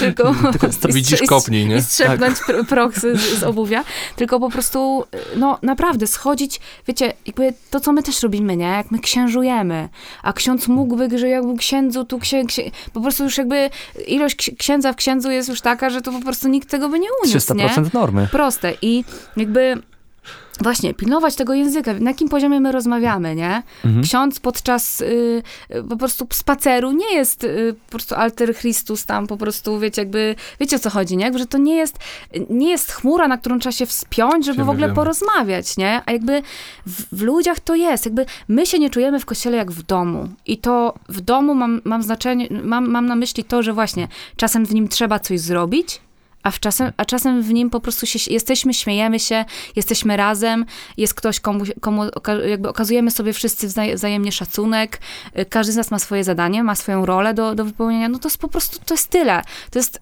to jest tyle, to jest, to jest tak proste y, i, i po prostu gdybyśmy się w ten dom, teraz nie chcę powiedzieć, żebyśmy się pobawili w dom, ale, ale gdybyśmy po prostu zechcieli być tym domem, Mhm. to, to, byśmy nim, to byśmy nim się stali, nie? Właśnie dla tych, dla tych wszystkich ludzi, którzy, którzy się w nim, nim nie czują, nie? I, yy, i właśnie na, nawet na poziomie ro, rozmowy, języka, nie? I, I wiadomo, że musi prze, to pokolenie, które mówi, podejdzie tu, podejdzie tu, zrobi to, tu da, tak, mszę chce zamówić, dobrze, tutaj pieniądze da. No wiecie, jakby wiadomo, nie? Mhm. Jakby to musi iść z dwóch stron, to nie chodzi o teraz, ale ja mam wpływ, ja mogę pójść i po prostu powiedzieć, no księże, Nie. porozmawiajmy jak człowiek z człowiekiem na przykład, nie? Albo nie, nie, nie, nie Mhm. zgadzam się, albo Mhm. Kasia mam na imię, nie? Mhm. Nie, jakby mam, nadal mam wybór, mogę coś zrobić, mogę się obrazić, mogę, mogę po prostu trzepnąć drzwiami od y, biura parafialnego, czy tam zakrystii, czy, czy, czy czegoś, a mogę, mogę coś zrobić, tak jak w każdej innej relacji, nie? Po prostu mam wybór, mogę zrobić tak, mogę zrobić tak. Ja staram się wybierać y, po prostu zmianę, w sensie pozytyw, w ogóle tak jak mówisz, nie narzekać, tylko coś, rozładować tira, no to ja staram się rozładowywać tira, nie? Mhm. To chyba można powiedzieć jest taki, taka dobry opis ewangelizacji właśnie. No, rozładowanie tirów. Rozładowanie tira, nie? Dokładnie tak. Świetna, świetny, Staram się, bo mówimy bardzo dużo o tych, właśnie zaczęliśmy od tych akcji takich dużych, stadionowych i tak dalej, ale ewangelizacja tak w gruncie rzeczy to polega na codziennym wyborze Ewangelii po prostu. Mikrodecyzje, nie? Mikrodecyzje, które potem kształtują te większe rzeczy, nie? Absolutnie tak. Ja tak słuchając tego, jak, jak co opowiadasz, się cały czas uśmiecham, ale to zawsze się uśmiecham, jak gadamy na takie te, te tematy, z tego względu, że zawsze się zastanawiam, na ile e, to jest świadoma inspiracja, a na ile to jest taki wpływ, powiedzmy, nie do końca świadomy twojej patronki na, na, na- ciebie, nie? O, tak, to jest też strogi temat. No Katarzyna ze Sieny, czy ten ogień po prostu... Nie, no ja wiem, to upominanie Jasne. tych papieży Dokładnie, i tak dalej. nie? To jest po prostu taka Kasia Pogusz kilkaset dżem, lat dżem, temu. y, ten, dżem y, Z, z tych nie pomidorów, tylko pomarańczy. robić. No, y, tutaj nie, nie, nie będę się wypierać. Ja przyznam, że w mo- moment, w którym odkryłam jakby tą, tą y, y, tę postać tak, tak już y, świadomie na, do, na dorośle. Y, wiadomo, że każdy z nas pisze swoją historię i nikt Mhm. nie jest drugim poprzednikiem. Natomiast mm, przynajmniej na poziomie inspiracji jakoś, jakoś tutaj widzę, widzę te, ten, ten, ten ogień w sobie katarzynowy. Doskonale. To jest chyba bardzo taka piękna puenta Pointa. rozmowy. Pointa, tak. Tego. Miałem zapisane w notatkach kilka innych w ogóle tematów do rozmowy, ale, ale takie flow fajnie poszło w tych, w tych, w tych kwestiach, że... Ale te, te takie, te inne tematy, to ja myślę, na że om- omówimy, podcastu. omówimy za chwilę z... y, Znaczy, z, tak, z Salkiem Bańką Tak jest. Natomiast, natomiast inne tematy takie z pogranicza, które chciałem wypytać no to jeszcze, na tam jeszcze jeden podcast. klimaty dikandowe, to zrobimy inny, Ale inny tak, bo się w ogóle dikandy nie ruszyli, rzeczywiście, a było zapisane. Tak, bo tu, a tutaj, tak, bo to jest taki wątek, e, czyli co, czekaj, na dzisiaj zamykamy, Ląd- Tak Lądujemy. jest, na lądujemy. dzisiaj lądujemy, a, a później zrobimy jeszcze taki odcinek, bo to jest, To już będzie Kasia, prawdziwe jest- komut- komuterstwo. no, straszne. No ale te, fajnie, ale jak to mówią, mówi, jak któryś tam klasyk, nie pamiętam, kto to mówi, że jesteśmy zbawieni po znajomości. Widzę, Dominik, że masz świetne notatki, pożyczysz mi? Prawda? Ty narysowałeś coś tam? Nie wiem, coś tu bazgra cały czas. To i tak. No dobrze. Bo mnie stresuje, że długopis nie piszę, więc go sobie rozpisuję cały czas, na wypadek, gdybym potrzebował zanotować coś konkretnego. Okay. Coś sensownego, ale nie powiedziałem nic sensownego, więc nie musiałeś. Nie, na szczęście. To dziękujemy bardzo. Dziękujemy. Dziękujemy bardzo. To... Za bardzo, roz... bardzo was lubię. Za, ta, za, takie, za takie rozmowy to dziękujemy. Za takie rozmowy dziękujemy i słyszymy się za chwilę. Tak jest. Podcast jezuicki. W podcaście jezuickim naszym kolejnym gościem jest y, profesor Aleksander Bańka, filozof, e, naukowiec związany z tyskimi wieczorami uwielbienia i ruchem Światło Życie i polski delegat, co dla nas ważne, na synod o synodalności, bo będziemy o tym mówić. Witaj serdecznie. Witam Was bardzo serdecznie, szczęść Boże. E, chcieliśmy pogadać, no, zaczynając od e, tego wydarzenia, które miało miejsce w łódzkiej Atlas Arenie, e, wy, wydarzenia pod hasłem Chwała Mu, uwielbienie z udziałem no, 10 tysięcy, ponad 10 tysięcy osób, z udziałem znanych zespołów, wokalistów, tam między innymi TGD i te wszystkie inne znane osoby ze sceny, ze sceny chrześcijańskiej. I wydarzenie, które dla mnie zaskakująco spotkało się z dość taką srogą krytyką. W niektórych środowiskach. W niektórych środowiskach. warto nadmienić. Tak, tak, bo tam się nic takiego specjalnego nie wydarzyło, można powiedzieć. Żadne jakieś przepisy nie zostały złamane. Y, y, a jednak spotkało się to z poważną, z poważną krytyką i nasze pytanie, od którego chcemy zacząć, to jest takie, co to mówi o dzisiejszym Kościele? W sensie całościowo, nie? I to całościowo. wydarzenie i powiedzmy tak. krytyka i tak dalej. Jaka jest twoja, twoja, powiedzmy, taka lektura, interpretacja, mm, co mówi duch Kościołowi przez te wydarzenia? E, ja przede wszystkim w ogóle jestem zdumiony tym, że cokolwiek tu można krytykować, bo, bo, bo gdyby się to dokonało w jakiejś konwencji liturgicznej, i tam byłyby jakieś naruszenie przepisów liturgicznych, no, ro, rozumiem, że to mogłoby być interpretowane jako niewłaściwe. Ale w zasadzie, e, pomijając fakt, że to była po prostu modlitwa, 6 godzin modlitwy, no to można by było to wydarzenie przeczytać jako koncert najzwyczajniej. Są śpiewane pieśni uwielbienia dla Pana Boga, więc e, próba jak gdyby e, rozpoznania w tym czegoś negatywnego, no, jak gdyby no, nie, nie, do końca mieści mi się w jakiejś takiej, jakiejś takiej zdroworozsądkowej konwencji. Prawda? I, I jedyne, e, jakie wytłumaczenie mam, to chyba takie, że gdzieś e, jesteśmy w kościele w takim momencie mocnego spolaryzowania, też poglądów, stanowisk, i jest pewna grupa osób, która na tyle negatywnie czyta wszystko to, co łączy się z jakąś konwencją pewnej społeczności, uwielbienia, uzdrowienia, E, jakiejś, e, no, ja nie mówię już o takim doświadczeniu charyzmatycznym, ale, ale generalnie ten, ten obszar, można powiedzieć, pewnej takiej swobody duchowej, pewnej wolności w, nie, w uwielbianiu Pana Boga, na tyle jest przez jakąś grupę interpretowany jako zagrażający czy niebezpieczne, że jak gdyby z definicji wszystkie tego typu wydarzenia są traktowane jako podejrzane. I myślę sobie, że za tym ja od dłuższego czasu to mówię, że za tym kryje się jakieś takie bardzo mocno lękowe, neurotyczne podejście do religijności, gdzie e, taki e, jakiś wróg czai się, powiedzmy, e, za, za plecami i ten wróg przyjmuje różne postacie, albo właśnie nadmiernej emocjonalności, albo e, takiego nimbu protestantyzacji, albo e, czegoś podej, podejrzanie właśnie charyzmatycznego i wszystko, co może mieć posmak e, e, tego typu właśnie, traktowane jest jako niebezpieczne i zagrażające.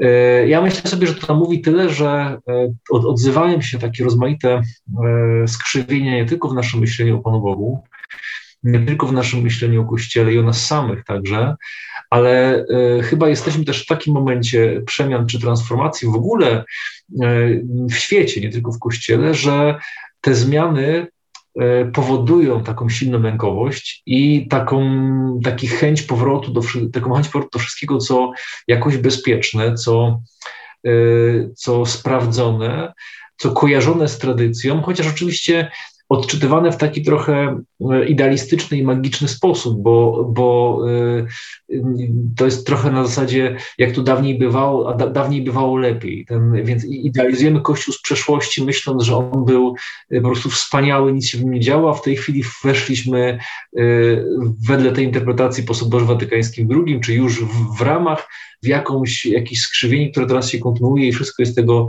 e, po prostu owocem, prawda? Więc to jest zupełnie oderwane od, od, e, od historii, od realności, czytanie Kościoła wedle no, po prostu swoich jakichś lęków. I myślę sobie, że to, e, to oczywiście to jest taka na szybko jakaś interpretacja, ale gdyby te wątki rozwinąć, myślę, że one dałyby jakiś taki obszerniejszy obraz tego, co się dzieje.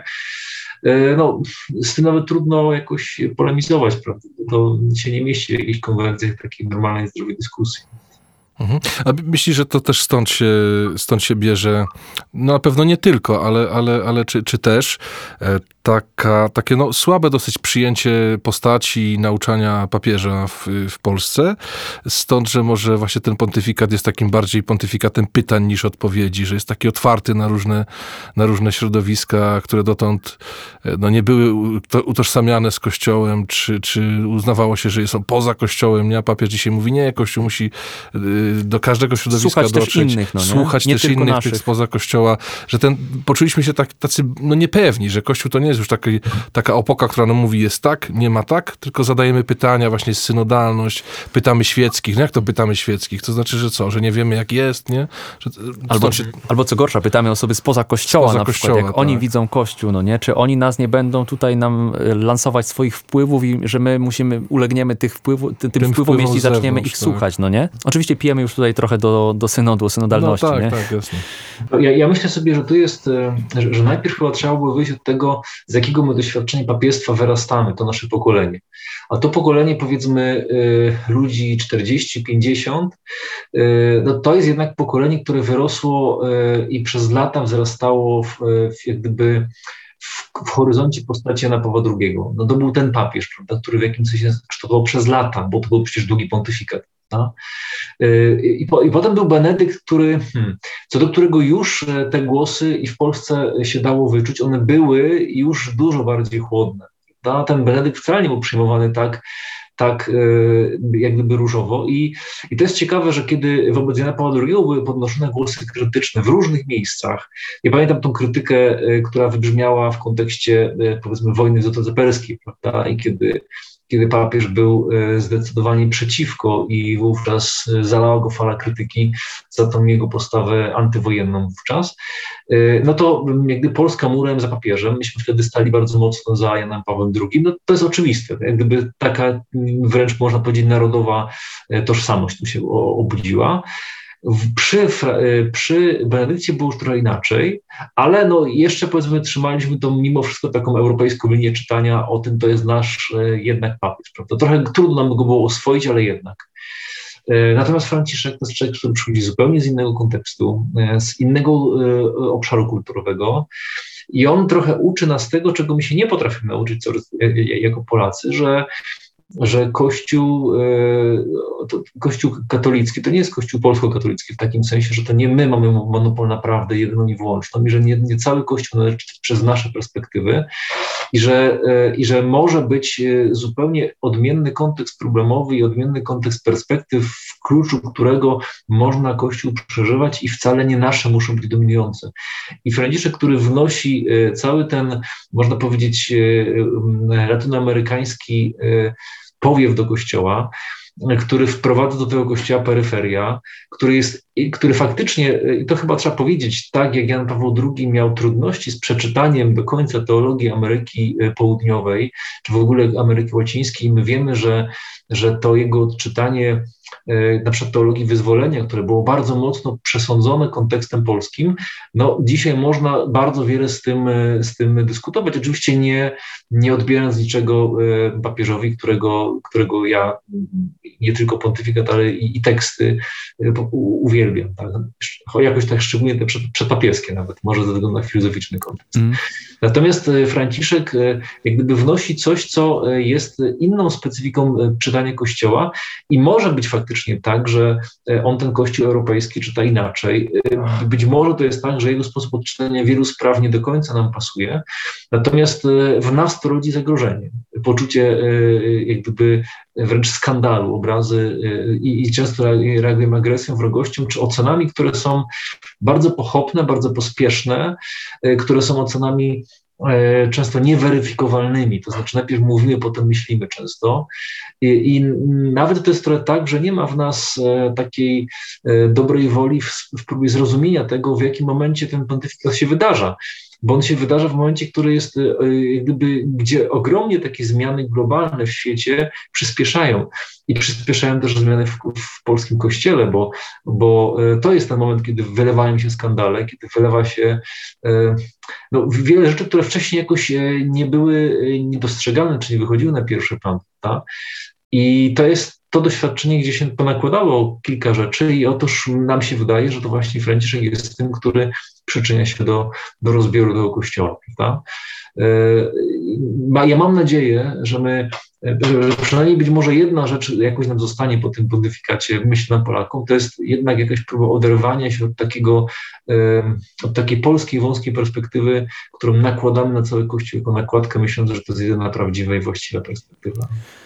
Y, bardzo ciekawą rzecz zauważyłeś, która, która mnie też uderzyła, jak zacząłem rozmawiać na przykład z moimi współbraćmi właśnie z Ameryki Łacińskiej, że ta nasza tutaj interpretacja, powiedzmy ogólnie polska, interpre, y, pontyfikatu Franciszka jest niemalże dokładnie symetryczną interpretacją chłopaków właśnie latynosów pontyfikatu Jana, Jana Pawła II, gdzie też właśnie dużo takich ocen polegających na troszeczkę takich też uprzedzeniach, no nie?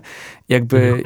jak dokładnie to, co mówiłeś, nie? że trafia, z jednej strony ta ich krytyka trafia w sedno, czyli właśnie w, tą, w to niezrozumienie niektórych, niektórych rzeczy związanych właśnie z teologią y, tą y, latynoamerykańską, a z drugiej strony właśnie opartych na uprzedzeniu, czyli troszeczkę tak jak u nas, nie? jak teraz w kontekście wojny nawet na Ukrainie, no nie? Niektóre lektu- takie powiedzmy interpretacje papieża Franciszka z naszej perspektywy wschodnioeuropejskiej widzimy, że, że niektórych, niektórych mechanizmów on na przykład może nie do końca je dobrze wychwytuje, Natomiast z drugiej strony jest też dużo takiej krytyki opartej właśnie na uprzedzeniach, no bo jest inny nie? niż by byśmy oczekiwali. Ale wystarczy nawet, mhm. nawet spojrzeć na taką jedną rzecz. Ja y, wracam, y, jestem pomiędzy jednym a drugim, jedną a drugą podróżą do Libanu i kiedy wróciłem z tej y, ostatniej i ja miałem tam okazję rozmawiać trochę z, nie tylko z maronitami, katolikami maronitami, ale też z takimi wysoko, postawionymi osobami przełożonymi zakonu libańskich maronitów i oni pytali mnie o sytuację na przykład w Polsce w związku z wojną na Ukrainie i ich sposób odczytania tej sytuacji on jest, on jest inny niż nasz. Tak? To, co, co my, którzy jesteśmy na, na granicy jak gdyby e, dwóch światów i, i, właściwie jesteśmy zaangażowani w tę wojnę, jesteśmy częścią tej wojny, wojny prawda? Każdą wypowiedź e, e, papieża jak gdyby czytamy w sposób bardzo mocno przerysowany z naszej perspektywy. Tam ten ogląd jest zupełnie inny, oni mają inne problemy, dla nich to jest jeden z wielu problemów, które się dzieją w świecie, oczywiście ważny, tykający, bulwersujący, ale ich, ich perspektywa przeczytania tego jest inna, prawda? I, I to nie jest jedyny kraj na świecie. Ja podejrzewam, że im dalej od tego epicentrum, w którym jesteśmy, tym bardziej ta perspektywa będzie zróżnicowana. Dlatego nam nie jest, my nie potrafimy zrozumieć tego, że, że ta perspektywa, patrząc z oddali, może być e, wielopłaszczyznowa, może być zdywersyfikowana e, i stąd być może mamy też chociażby w kontekście tej wojny tak wiele trudności z zrozumieniem papieża. Tak, to myślę, że to jest trochę tak jak y, jak y, Etiopczycy dzisiaj patrzą na wojnę na Ukrainie, tak jak my patrzymy na wojnę w Tigraj, nie? Mm. Chociażby to jest zupełnie inna perspektywa. Dla nas to jest jakiś kompletnie odległy konflikt, który znamy tylko i wyłącznie z mediów i on nas w ogóle nie dotyczy. A i to nie bardzo, bo się o nim nie mówi. A i to, i, a i to nie bardzo, bo się o nim nie mówi. A tutaj jest rzeczywiście coś, co stoi u bram, u, u drzwi i może nam zagrażać. Zupełnie inaczej to czytamy. Jasne, że tak. Y, no to co, może do tej synodalności teraz już tak konkretnie, nie? E, pójdziemy, bo rzeczywiście byłeś tym delegatem na, na synod, synodalności. Na samym początku się tam pojawiłeś w Rzymie, a teraz jesteśmy po konsystorzu, po takim całym zebraniu wszystkich kardynałów w Rzymie, po tym konsystorzu zwyczajnym, e, gdzie e, no, mam takie wrażenie, że bardzo jasno było podkreślone to, że Kościół idzie w stronę ewangelizacji, że to ma być e, tak, taka droga współczesnego kościoła. E, papież jako prefekt dykasterii do spraw ewangelizacji, e, ewangelizacja, no kuria rzymska, ta cała reforma nastawiona bardziej z przejścia, na, znaczy nastawiona na przejście z biurokratycznej instytucji na, na instytucję duszpasterską, ewangelizacyjną. Przynajmniej co do zasady. Przynajmniej nie? co do zasady, jak to będzie wyglądało. Jak ty to widzisz? Jakie ty masz wrażenia po, po tym synodzie? Jest kilka płaszczyzn, bo na pewno ta teoretyczna, albo tak intencjonalna, tak jak ją czytam, e, to faktycznie ona mi się bardzo mocno jakoś e, składa z tym, co obserwujemy w, działach, w działaniach papieża, które są bardzo konsekwentne. Znaczy, faktycznie próba zreformowania czy przebudowania struktur Kościoła w takim kierunku, żeby one były bardziej misyjne, bardziej apostolskie, bardziej ewangelizacyjne, żeby, były, żeby to był Kościół żywy, dynamiczny. Y, I te mm, zmiany, one, one to, to są zmiany przebiegające na poziomie przede wszystkim duszpasterskim, pewnego modelu duszpasterskiego i próba dopasowania, w moim przekonaniu, do tego modelu struktur. To znaczy y, struktury Kościoła reformowane na rzecz pewną, pewnego modelu duszpasterskiego. I y, synod jest jednym z tych elementów, dlatego że, czy w ogóle synodalność, dlatego że zresztą no, wiemy doskonale, że to jest y, główne, główne hasło, które jakoś myślę, rządzi sercem papieża. My to możemy obserwować, nie wiem, 2015 rok, kiedy było to przemówienie e, w związku z, z 50. tak, rocznicą e, ustanowienia właśnie e, synodu przez Pawła VI, gdzie już wówczas Franciszek wytycza bardzo jasno kierunki, w których będzie chciał dalej podążać i już wówczas mówi bardzo wyraźnie o synodalności jako pewnej idei, która, e, którą Kościół powinien przywrócić, którą Kościół powinien żyć. E, tam się już wtedy pojawia właśnie to sformułowanie o wspólnej drodze, to, to, to stwierdzenie o tym, że y, synod, czy synod, i kościół to są jakby pojęcia zamienne, prawda? I e, tak naprawdę, jeżeli spojrzymy, jeżeli przeczytamy synodalność jako po prostu pewien styl bycia w kościele. Czyli to jest pewien sposób przeżywania kościoła, który jest oparty na kilku takich wytycznych, których papież nie definiuje, a jak gdyby tak deiktycznie wskazuje, prawda? Czyli mówi, synodalność to jest dialog, to jest słuchanie, to jest, to jest relacja, to jest obecność, to jest wrażliwość. To są takie pojęcia, które my dzisiaj e, często e, trywializujemy, bo nam się jakby kojarzą z, takim, e, z taką humanistyczną nowomową, prawda, często. Natomiast one tak naprawdę w kontekście Kościoła to są rzeczy, które, które mamy w ogromnym deficycie. Bo jeśli spojrzymy na to, jak Kościół był przez lata przeżywany, to, y, to y, właściwie to Sobór Watykański II powoli próbuje to przekształcać czy, czy, czy przemieniać, ale to jest kościół superhierarchiczny. To jest, to jest od tysiąca lat kościół superhierarchiczny, gdzie, y, gdzie hierarchia stała się, e, nie negując jej wagi, roli, ważności w Kościele, stała się superhierarchią przez to, że najzwyczajniej przejęła taki feudalny sposób bycia, no, najzwyczajniej wynikający po prostu z faktu, że tak funkcjonował świat w tamtym czasie. Więc Kościół też jak gdyby te, ten, ten, ten styl bycia e, przejął i to się skleiło z tą właśnie hierarchią w Kościele i efekt jest taki, że, że, że dominującym podziałem wśród nas dominującym podziałem to jest podział na duchowieństwo i laikat. Podział, który nie jest podziałem fundamentalnym, ale takim się stał. E, bo, bo fundamentalnym punktem odniesienia jest chrzest i, i zadania, funkcje, charyzmaty, które z tego wynikają, także w konsekwencji pewna droga, która łączy się e, e, z wejściem w strukturę hierarchiczną, ale dominującym punktem odniesienia jest chrzest. Myśmy to stracili, a więc straciliśmy to po, po, poczucie podmiotowości, tożsamości. I wydaje mi się, że, że patrząc że, że tak historycznie, e, to też weszło trochę w taki sposób, jakby rozumienie, że sprawowania władzy w Kościele, gdzie, no powiedzmy sobie wprost, świeccy w tym, co jest zapisane, jeśli chodzi o ich, e, o, o to, co, to, co świecki może, to może bardzo niewiele od strony e, takiego, można powiedzieć, sprawowania władzy. I teraz Oczywiście ja nie stwierdzę, że to powinno być tak, że teraz świeccy przejmują władzę w kościele i mamy jakieś po prostu akcje związane z demokratyzacją. To jestem daleki od tego. Tak? Chociaż ta konstytucja apostolska Predicate Evangelium trochę w tej kwestii zmienia, bo pozwala świeckim na przejęcie władzy właśnie, wła, urzędu władzy w kościele, mm. bycie nawet prefektem dykasterii. A to jest ciekawe, bo tu widzimy to, widzimy to na poziomie reformy kurii, prawda, rzymskiej. I to jest coś takiego, co co, co jest sygnałem e, jakiejś próby, wydaje mi się, przez papieża przeczytania na nowo tego, tego wymiaru, jak tą władzę sprawować, bo to się na, na dzień dzisiejszy dzieje e, w na poziomie kurii i to się dzieje jak gdyby decyzją, czy tego typu nominacje, tego typu dedykowanie władzy, prawda, czy wykonywanie władzy rządzenia de facto jest e, jak gdyby decyzją papieża. Czyli tutaj de facto z jednej strony mamy takie E, dywersyfikację tych, którzy mogą tą władzę sprawować. Wcześniej ona była wyrażona do poziomu święcenia, ale z drugiej strony wzmocnienie kompetencji papieża, który tę władzę dedykuje. To jest bardzo ciekawe, nie? Że, że, to się, że to się dokonuje, to dedykowanie władzy świeckim, w cudzysłowie, czyli przekazanie jakiejś formy możliwości sprawowania, łączy się jednocześnie ze wzmocnieniem e, czy wyakcentowaniem bardzo mocno roli papieża. Natomiast poza e, kurią rzymską my tego nie mamy jeszcze przygotowanego, czyli nie wiemy, jak to powinno działać na poziomie, na poziomie poziomie, y, można powiedzieć, struktur y, y, decyzjalnych czy parafialnych, ale jedno wiemy, i dla mnie to jest istotne, że, że my jako świeccy nie musimy w cudzysłowie przejmować tej władzy, tak jak chcą, nie widzą w tym zagrożenie, tylko wystarczy, że w obrębie tego, co my mamy w Kościele, te kompetencje zaczniemy mądrze współpracować.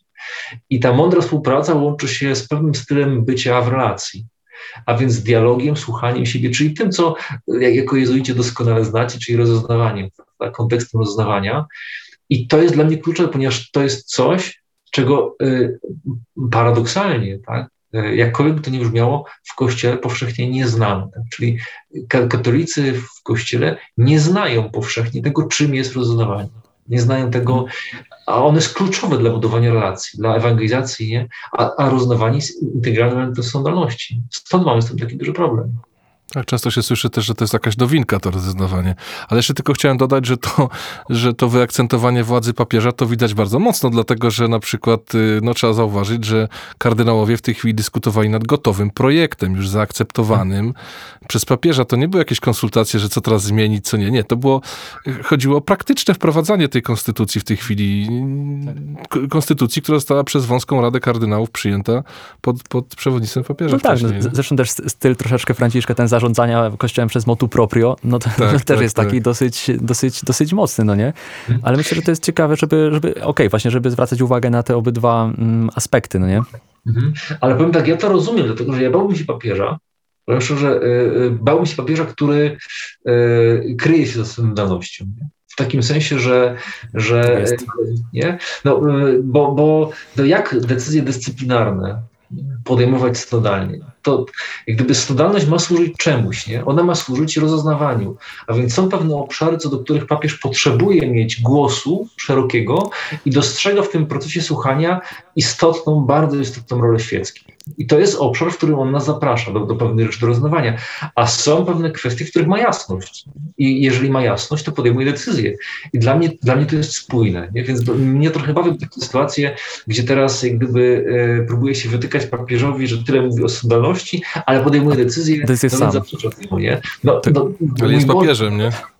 Tak, ale ciekawa rzecz, nasz e, profesor właśnie z Uniwersytetu Gregoriańskiego od eklezjologii, właśnie bardzo mocno, który był zresztą jednym tam z doradców teologicznych przed tym synodem Dario Vitali, podkreślał to po prostu setki razy, że do istoty Kościoła należy zarówno hierarchiczność, jak i synodalność, no nie? Że to nie są rzeczy, które się wykluczają, bo to na pierwszy rzut oka tak. właśnie to, co to, ty, Tolek, mówisz, nie? Że z jednej strony wydaje się, że nawet jak jest hierarchiczny, to nie synodalny, synodalny to nie hierarchiczny, natomiast no nie, właśnie są pewne, są, są różne poziomy, na których, na których zależy nam na hierarchiczności i ona jest ważna i są takie, które, które muszą być, muszą być e, właśnie y, synodalne.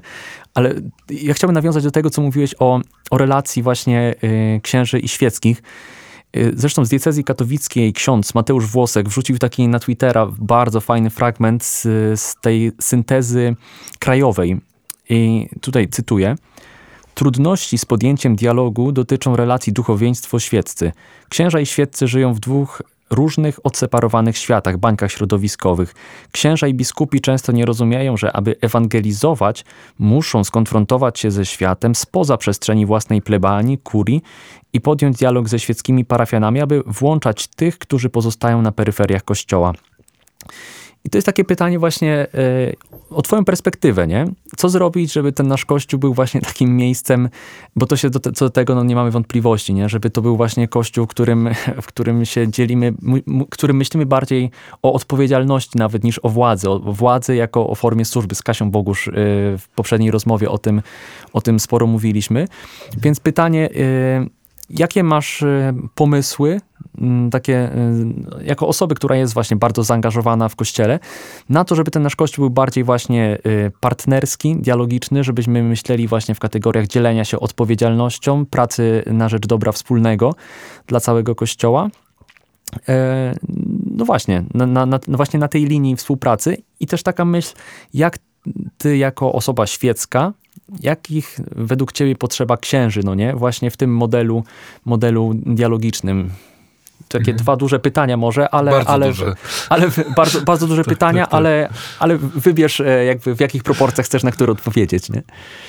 Ja bym, e, ja bym, e, bo one się w sumie łączą, prawda, ale ja bym może taki klucz wziął pewnego, że tu chodzi o pewien styl podejścia do człowieka jednak, dlatego że My możemy podejść do człowieka w taki sposób, że czy, kiedy stajemy wobec niego, czytamy go od razu w kluczu jego błędów, jego niemoralności, e, jego takich zagubień teologicznych i próbujemy go od razu prostować, a jak się nie da, to go odcinamy.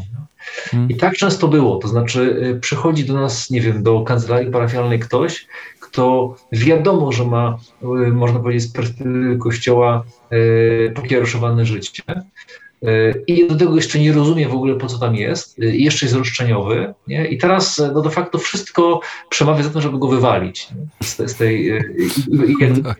od, odhaczyć jako jeden z tych, z którymi się już nic nie da zrobić, więc niech idzie na potępienie.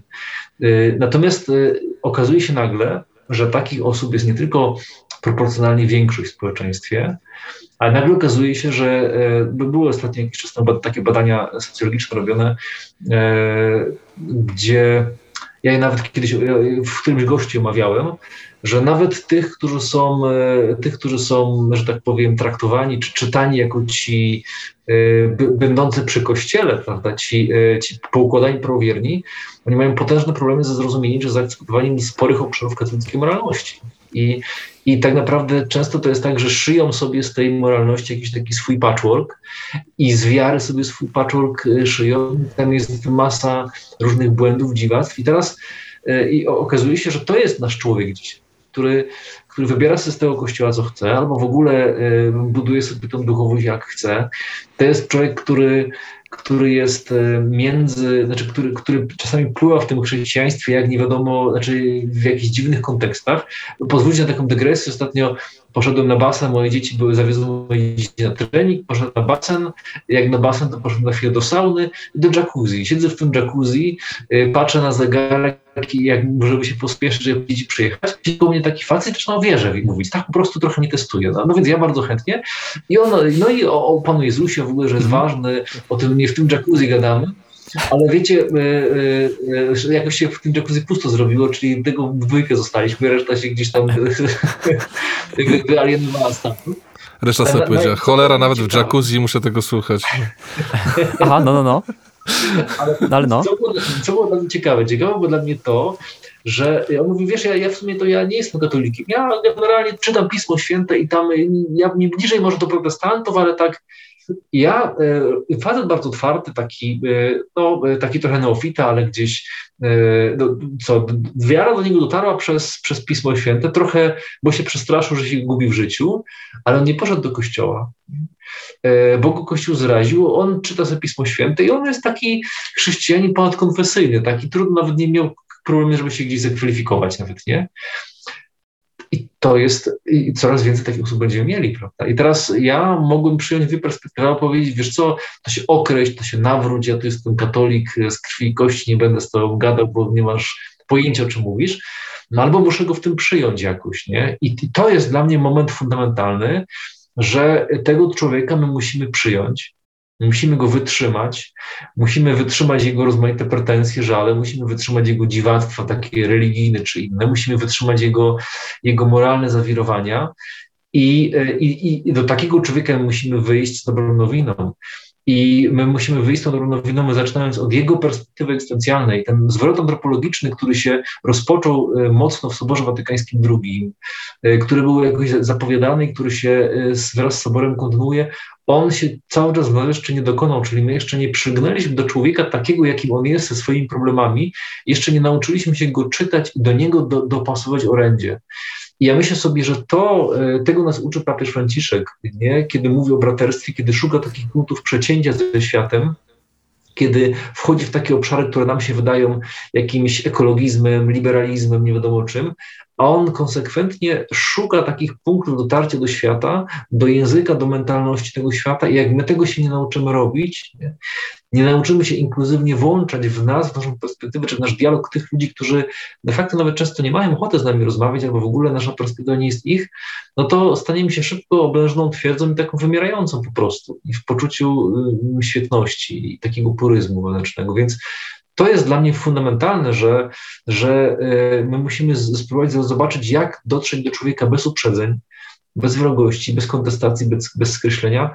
Dla duszpasterzy to jest ogromne wyzwanie. I myślę sobie, że w najbliższym czasie w Polsce będziemy, y, y, że, że y, prezbiterzy, szczególnie księża decyzjalni, staną wobec takiej sytuacji.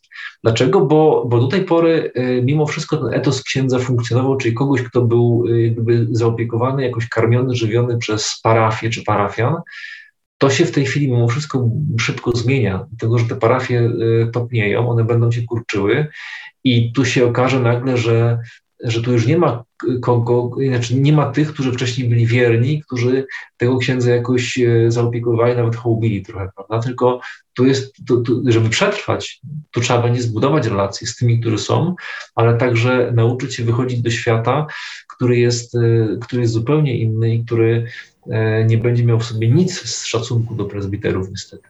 To... Mhm. Nawiązując do tego, co powiedziałeś, czy uważasz, że te syntezy mówię o polskim kościele, które się pojawiły posynodalne, czy one pozwalają nam trochę poznać tego współczesnego człowieka, współczesnego polskiego katolika, tego, tak jak powiedziałeś, o takiej patchworkowej religijności, supermarket, który sobie wybiera to, co, to, co chce, e, czy to raczej, no nie wiem, tak powiem wprost, były raczej takie bardziej fasadowe i, i robione w pewnych wspólnotach, czy to rzeczywiście pozwala y, jakiś, dostrzec jakiś obraz współczesnego polskiego katolika? Ja myślę, że tam e, wybrzmiało w nich bardzo mało jednak głosów takiego katolika statystycznego polskiego, tego, że statystyczny katolik jednak nie brał w tym udziału. E, statystyczny, mm, czyli taki, no można, który jest zupełnie e, w kościele tylko i wyłącznie usługowo, tak po prostu tradycyjnie, nie?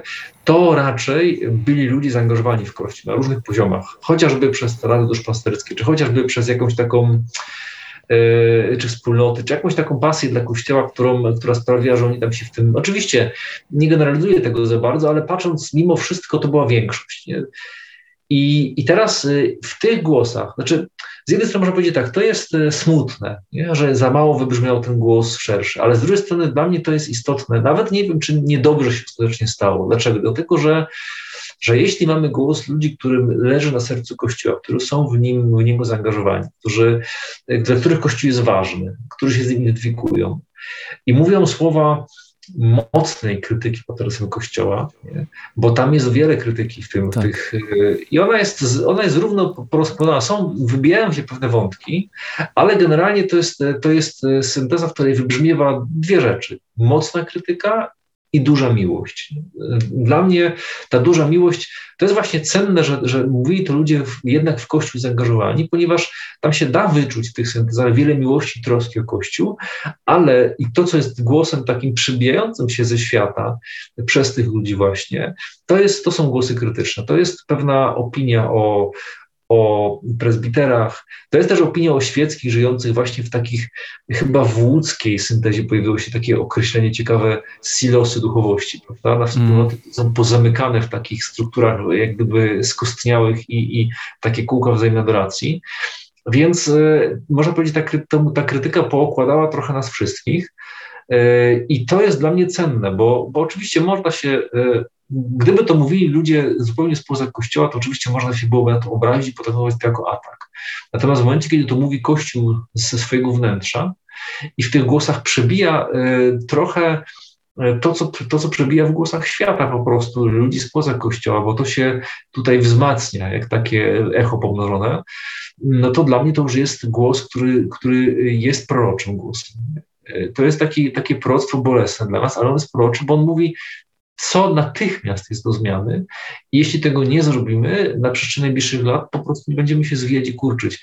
A paradoksalnie e, to, co jest do zrobienia, to nie są potężne jakieś e, e, takie zmiany strukturalne czy, czy, czy jakieś dogłębne reformy, tylko to jest normalność. Normalność w relacjach to jest po prostu coś bardzo zwyczajnego. Ja nawet powiedział, że to się zaczyna gdzieś na poziomie kultury osobistej, której nam tak. po prostu w kościele brakuje. Nie? Ale to mówisz praktycznie tak takim samym głosem, jak Kasia Bogusz u nas mówiła, no nie? Tak, tak. Że ona bardzo twardo reaguje na, takie, na taki brak fundamentalnej kultury osobistej. Niech przyjdzie, niech da pieniądze, niech idzie, nie? To takie były... Tak, no, tak się to można, może tak to ująć w takie, w takie formy wyrazu, niektóre pewne z, zachowania y, fundamentalne, można powiedzieć. Tak nie? jest. Cóż, bardzo dziękujemy. A poczekaj, jeszcze mam jedno pytanie, tak? bardzo ważne, bo wiem, że trochę czas kończy. Nie, patrzę, czy, czy nas nie rozłączy w trakcie. Nie, chyba nie. Minutę Wiesz 23, jak nie tak, minuta 23, to można krótko odpowiedzieć, Aha. bo rozmawia, rozmawiasz z jezuitami, mówiliśmy o papieżu Franciszku, który jest jezuitą, a my wyczytaliśmy na twoim blogu, że ty chciałeś być jezuitą. To powiedz, czemu nie zostałeś? tak, dokładnie. E, to taka była historia jest, że e, ja się rekolekcjami ignacyjskimi zafascynowałem gdzieś, to była jeszcze szkoła średnia, to było przed 18 rokiem życia, to było gdzieś, bo ja wiem, 16 lat miałem, one, e, i to był taki moment, kiedy mi się bardzo mocno taki głód modlitwy w sercu pojawił. Ja wcześniej już dużo czytałem, dużo jakoś tam wchodziłem w takie konteksty klimatologiczne, ale równolegle z tym e, rosło w mnie takie pragnienie modlitwy. Żeby nie przedłużać, moja mama trafiła na lekcje przyjechała z nich i zaczęła się tym trochę dzielić i do mnie to e, od, odpowiedziało to na jakąś moją potrzebę. Nie? I to było tak, że, że napisałem, mając 16 lat, zacząłem sam sobie, wziąłem jakieś książki medytacji, zacząłem sobie ją robić i stwierdziłem, że okej, okay, to jest moje, więc będę się tak modlił. No i miałem 16 lat, napisałem do jezuitów o prośbę e, o rekolekcjonicjańskie, że mógł je odbyć i dostałem odpowiedź odmowną, że jestem za młody. Mm. No i wówczas stwierdziłem, że będę, będę czekał. W takim razie jeździłem do Częstochowy. Ojciec Augustyn miał takie skupienia w Częstochowie na temat modlitwy. E, no i ja te wszystkie skupienia objeździłem tam dwa, trzy razy, cztery razy w roku, czasami tam się weekendy pojawiałem po to, żeby go też słuchać. Bardzo dużo mi wtedy jakoś też jego spojrzenie dało.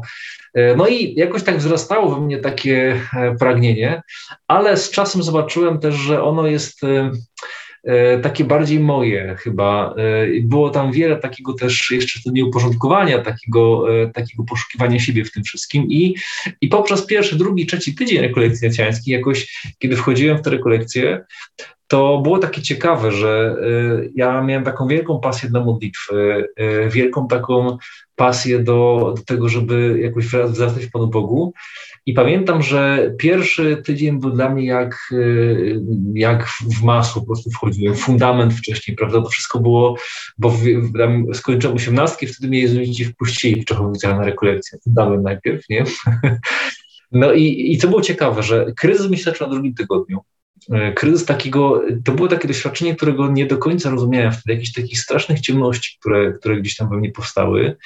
Y, trzeci tydzień chyba też. E, I pamiętam, że, że trzeci tydzień to było takie doświadczenie, że ja że musiałem wyjechać do kolekcji e, po paru dniach i ja nie wiedziałem, dlaczego tak jest. Nie? E, dopiero z czasem uświadomiłem sobie, że Pan Bóg mnie chroni przed czymś. Nie chroni mnie, to znaczy, ja wiem, że jak ja ten trzeci tydzień skończył, to ja bym został jezuitą i bym się pomylił najzwyczajniej. To nie, to nie była moja droga wtedy. Mimo, że duchowość inocjańska jest cały czas jak gdyby moją, ale yy, jakoś bardzo też tym, tym rytmem staram się żyć. Chociaż też potem pojawiło się wiele jeszcze innych wątków, takich, które, którymi jakoś, w których wzrastam. Nie? Ale pamiętam, że wtedy bardzo mocno musiałem się urealnić, zapytać się, co się stało, tak? Dlaczego Bóg mnie wprowadził w jakieś takie doświadczenie no, ciemne dla mnie, trudne. E, I coś się stało takiego, że ja nie potrafię, e, że, że, że ja nie potrafię dalej w tym iść, nie? I zrozumiałem sobie tak, że ja tutaj nie idę za głosem Pana Boga, tylko że, że idę za głosem swoim. I że wtedy bardzo, bardzo mocno Pan Bóg pokazał mi, że synem świętego Jacego można być też w rodzinie i że ja, e, i że Bóg zaprasza mnie na pewną drogę, którą być może do końca jeszcze jej nie, nie rozumiem, ale która nie musi łączyć się ze święceniami kapłańskimi, bo to o to chodziło. Nie? E, no i, i z czasem się to na tyle poukładało, urealniło, że, że, e, że, że dzisiaj myślę sobie, że miejsce, w którym jestem i te różne moje ścieżki, które są, no to ja czuję to jako takie bardzo mocne Boże prowadzenie i wiem, że bym wtedy E, wybrał zakon, no Bóg nie posłużyłby się chyba, jak gdyby, czyli nie zbudowałby tej mojej drogi w taki sposób, jak, jak to się, się dokonuje dzisiaj. Świetna historia. W ogóle, świetna, świetna historia, historia na kolejny podcast. Dokładnie tak. Nie, ale w ogóle super historia rozeznania, nie? Takiego tak, prawdzi prawdziwego rozeznania. Okej, okay, dla nas się nie skończyła, okej, okay, z takiej perspektywy operacyjnej, no to dla nas, dla jezuitów, no dobrze, nie, nie, nie, facet nie wstąpił do nas. Szkoda, szkoda. szkoda. Ale, ale, z perspektywy, ale z perspektywy właśnie duchowej, zrozumienia, czym jest rozeznanie, Jasne. jak je prowadzić, genialna, nie? Ale to Super. musimy, naprawdę, musimy się połączyć jeszcze raz i zrobić jeszcze podcast na ten temat, na duchowości no, Ignacjańskiej. W ogóle o ja, to, ja bardzo chętnie. No, no. Ta, historia ma, ta, ta, historia ma wiele smaczków też, jak uwodziłem moją żonę, także... O, to będzie, nie, to musimy, to już jestem tej chwili Super. pewien, to już jest... Jak coś, to... to... Tak, tak, to, tak. to jeszcze będziemy mieć odcinek na pewno o tym. No dobrze, dzisiaj chyba, dzisiaj chyba był najdłuższy odcinek w historii podcastów jezuickich. E, dwie super ciekawe, długie rozmowy na temat no, kościoła, ewangelizacji, tego, co się dzisiaj w kościele dzieje. E, bardzo dziękujemy i Kasi Bogusz, i teraz e, Olkowi Bańce za to spotkanie z nami. No i, no i czekamy na kolejne, na kolejne podcasty i kolejne rozmowy. Dzięki wielkie, dziękujemy serdecznie. serdecznie. Dzięki za super rozmowę. Cieszę się bardzo. Do usłyszenia w takim razie. Do usłyszenia. Do usłyszenia. Z Bogiem. Cześć. Z Bogiem. Podcast jezuicki.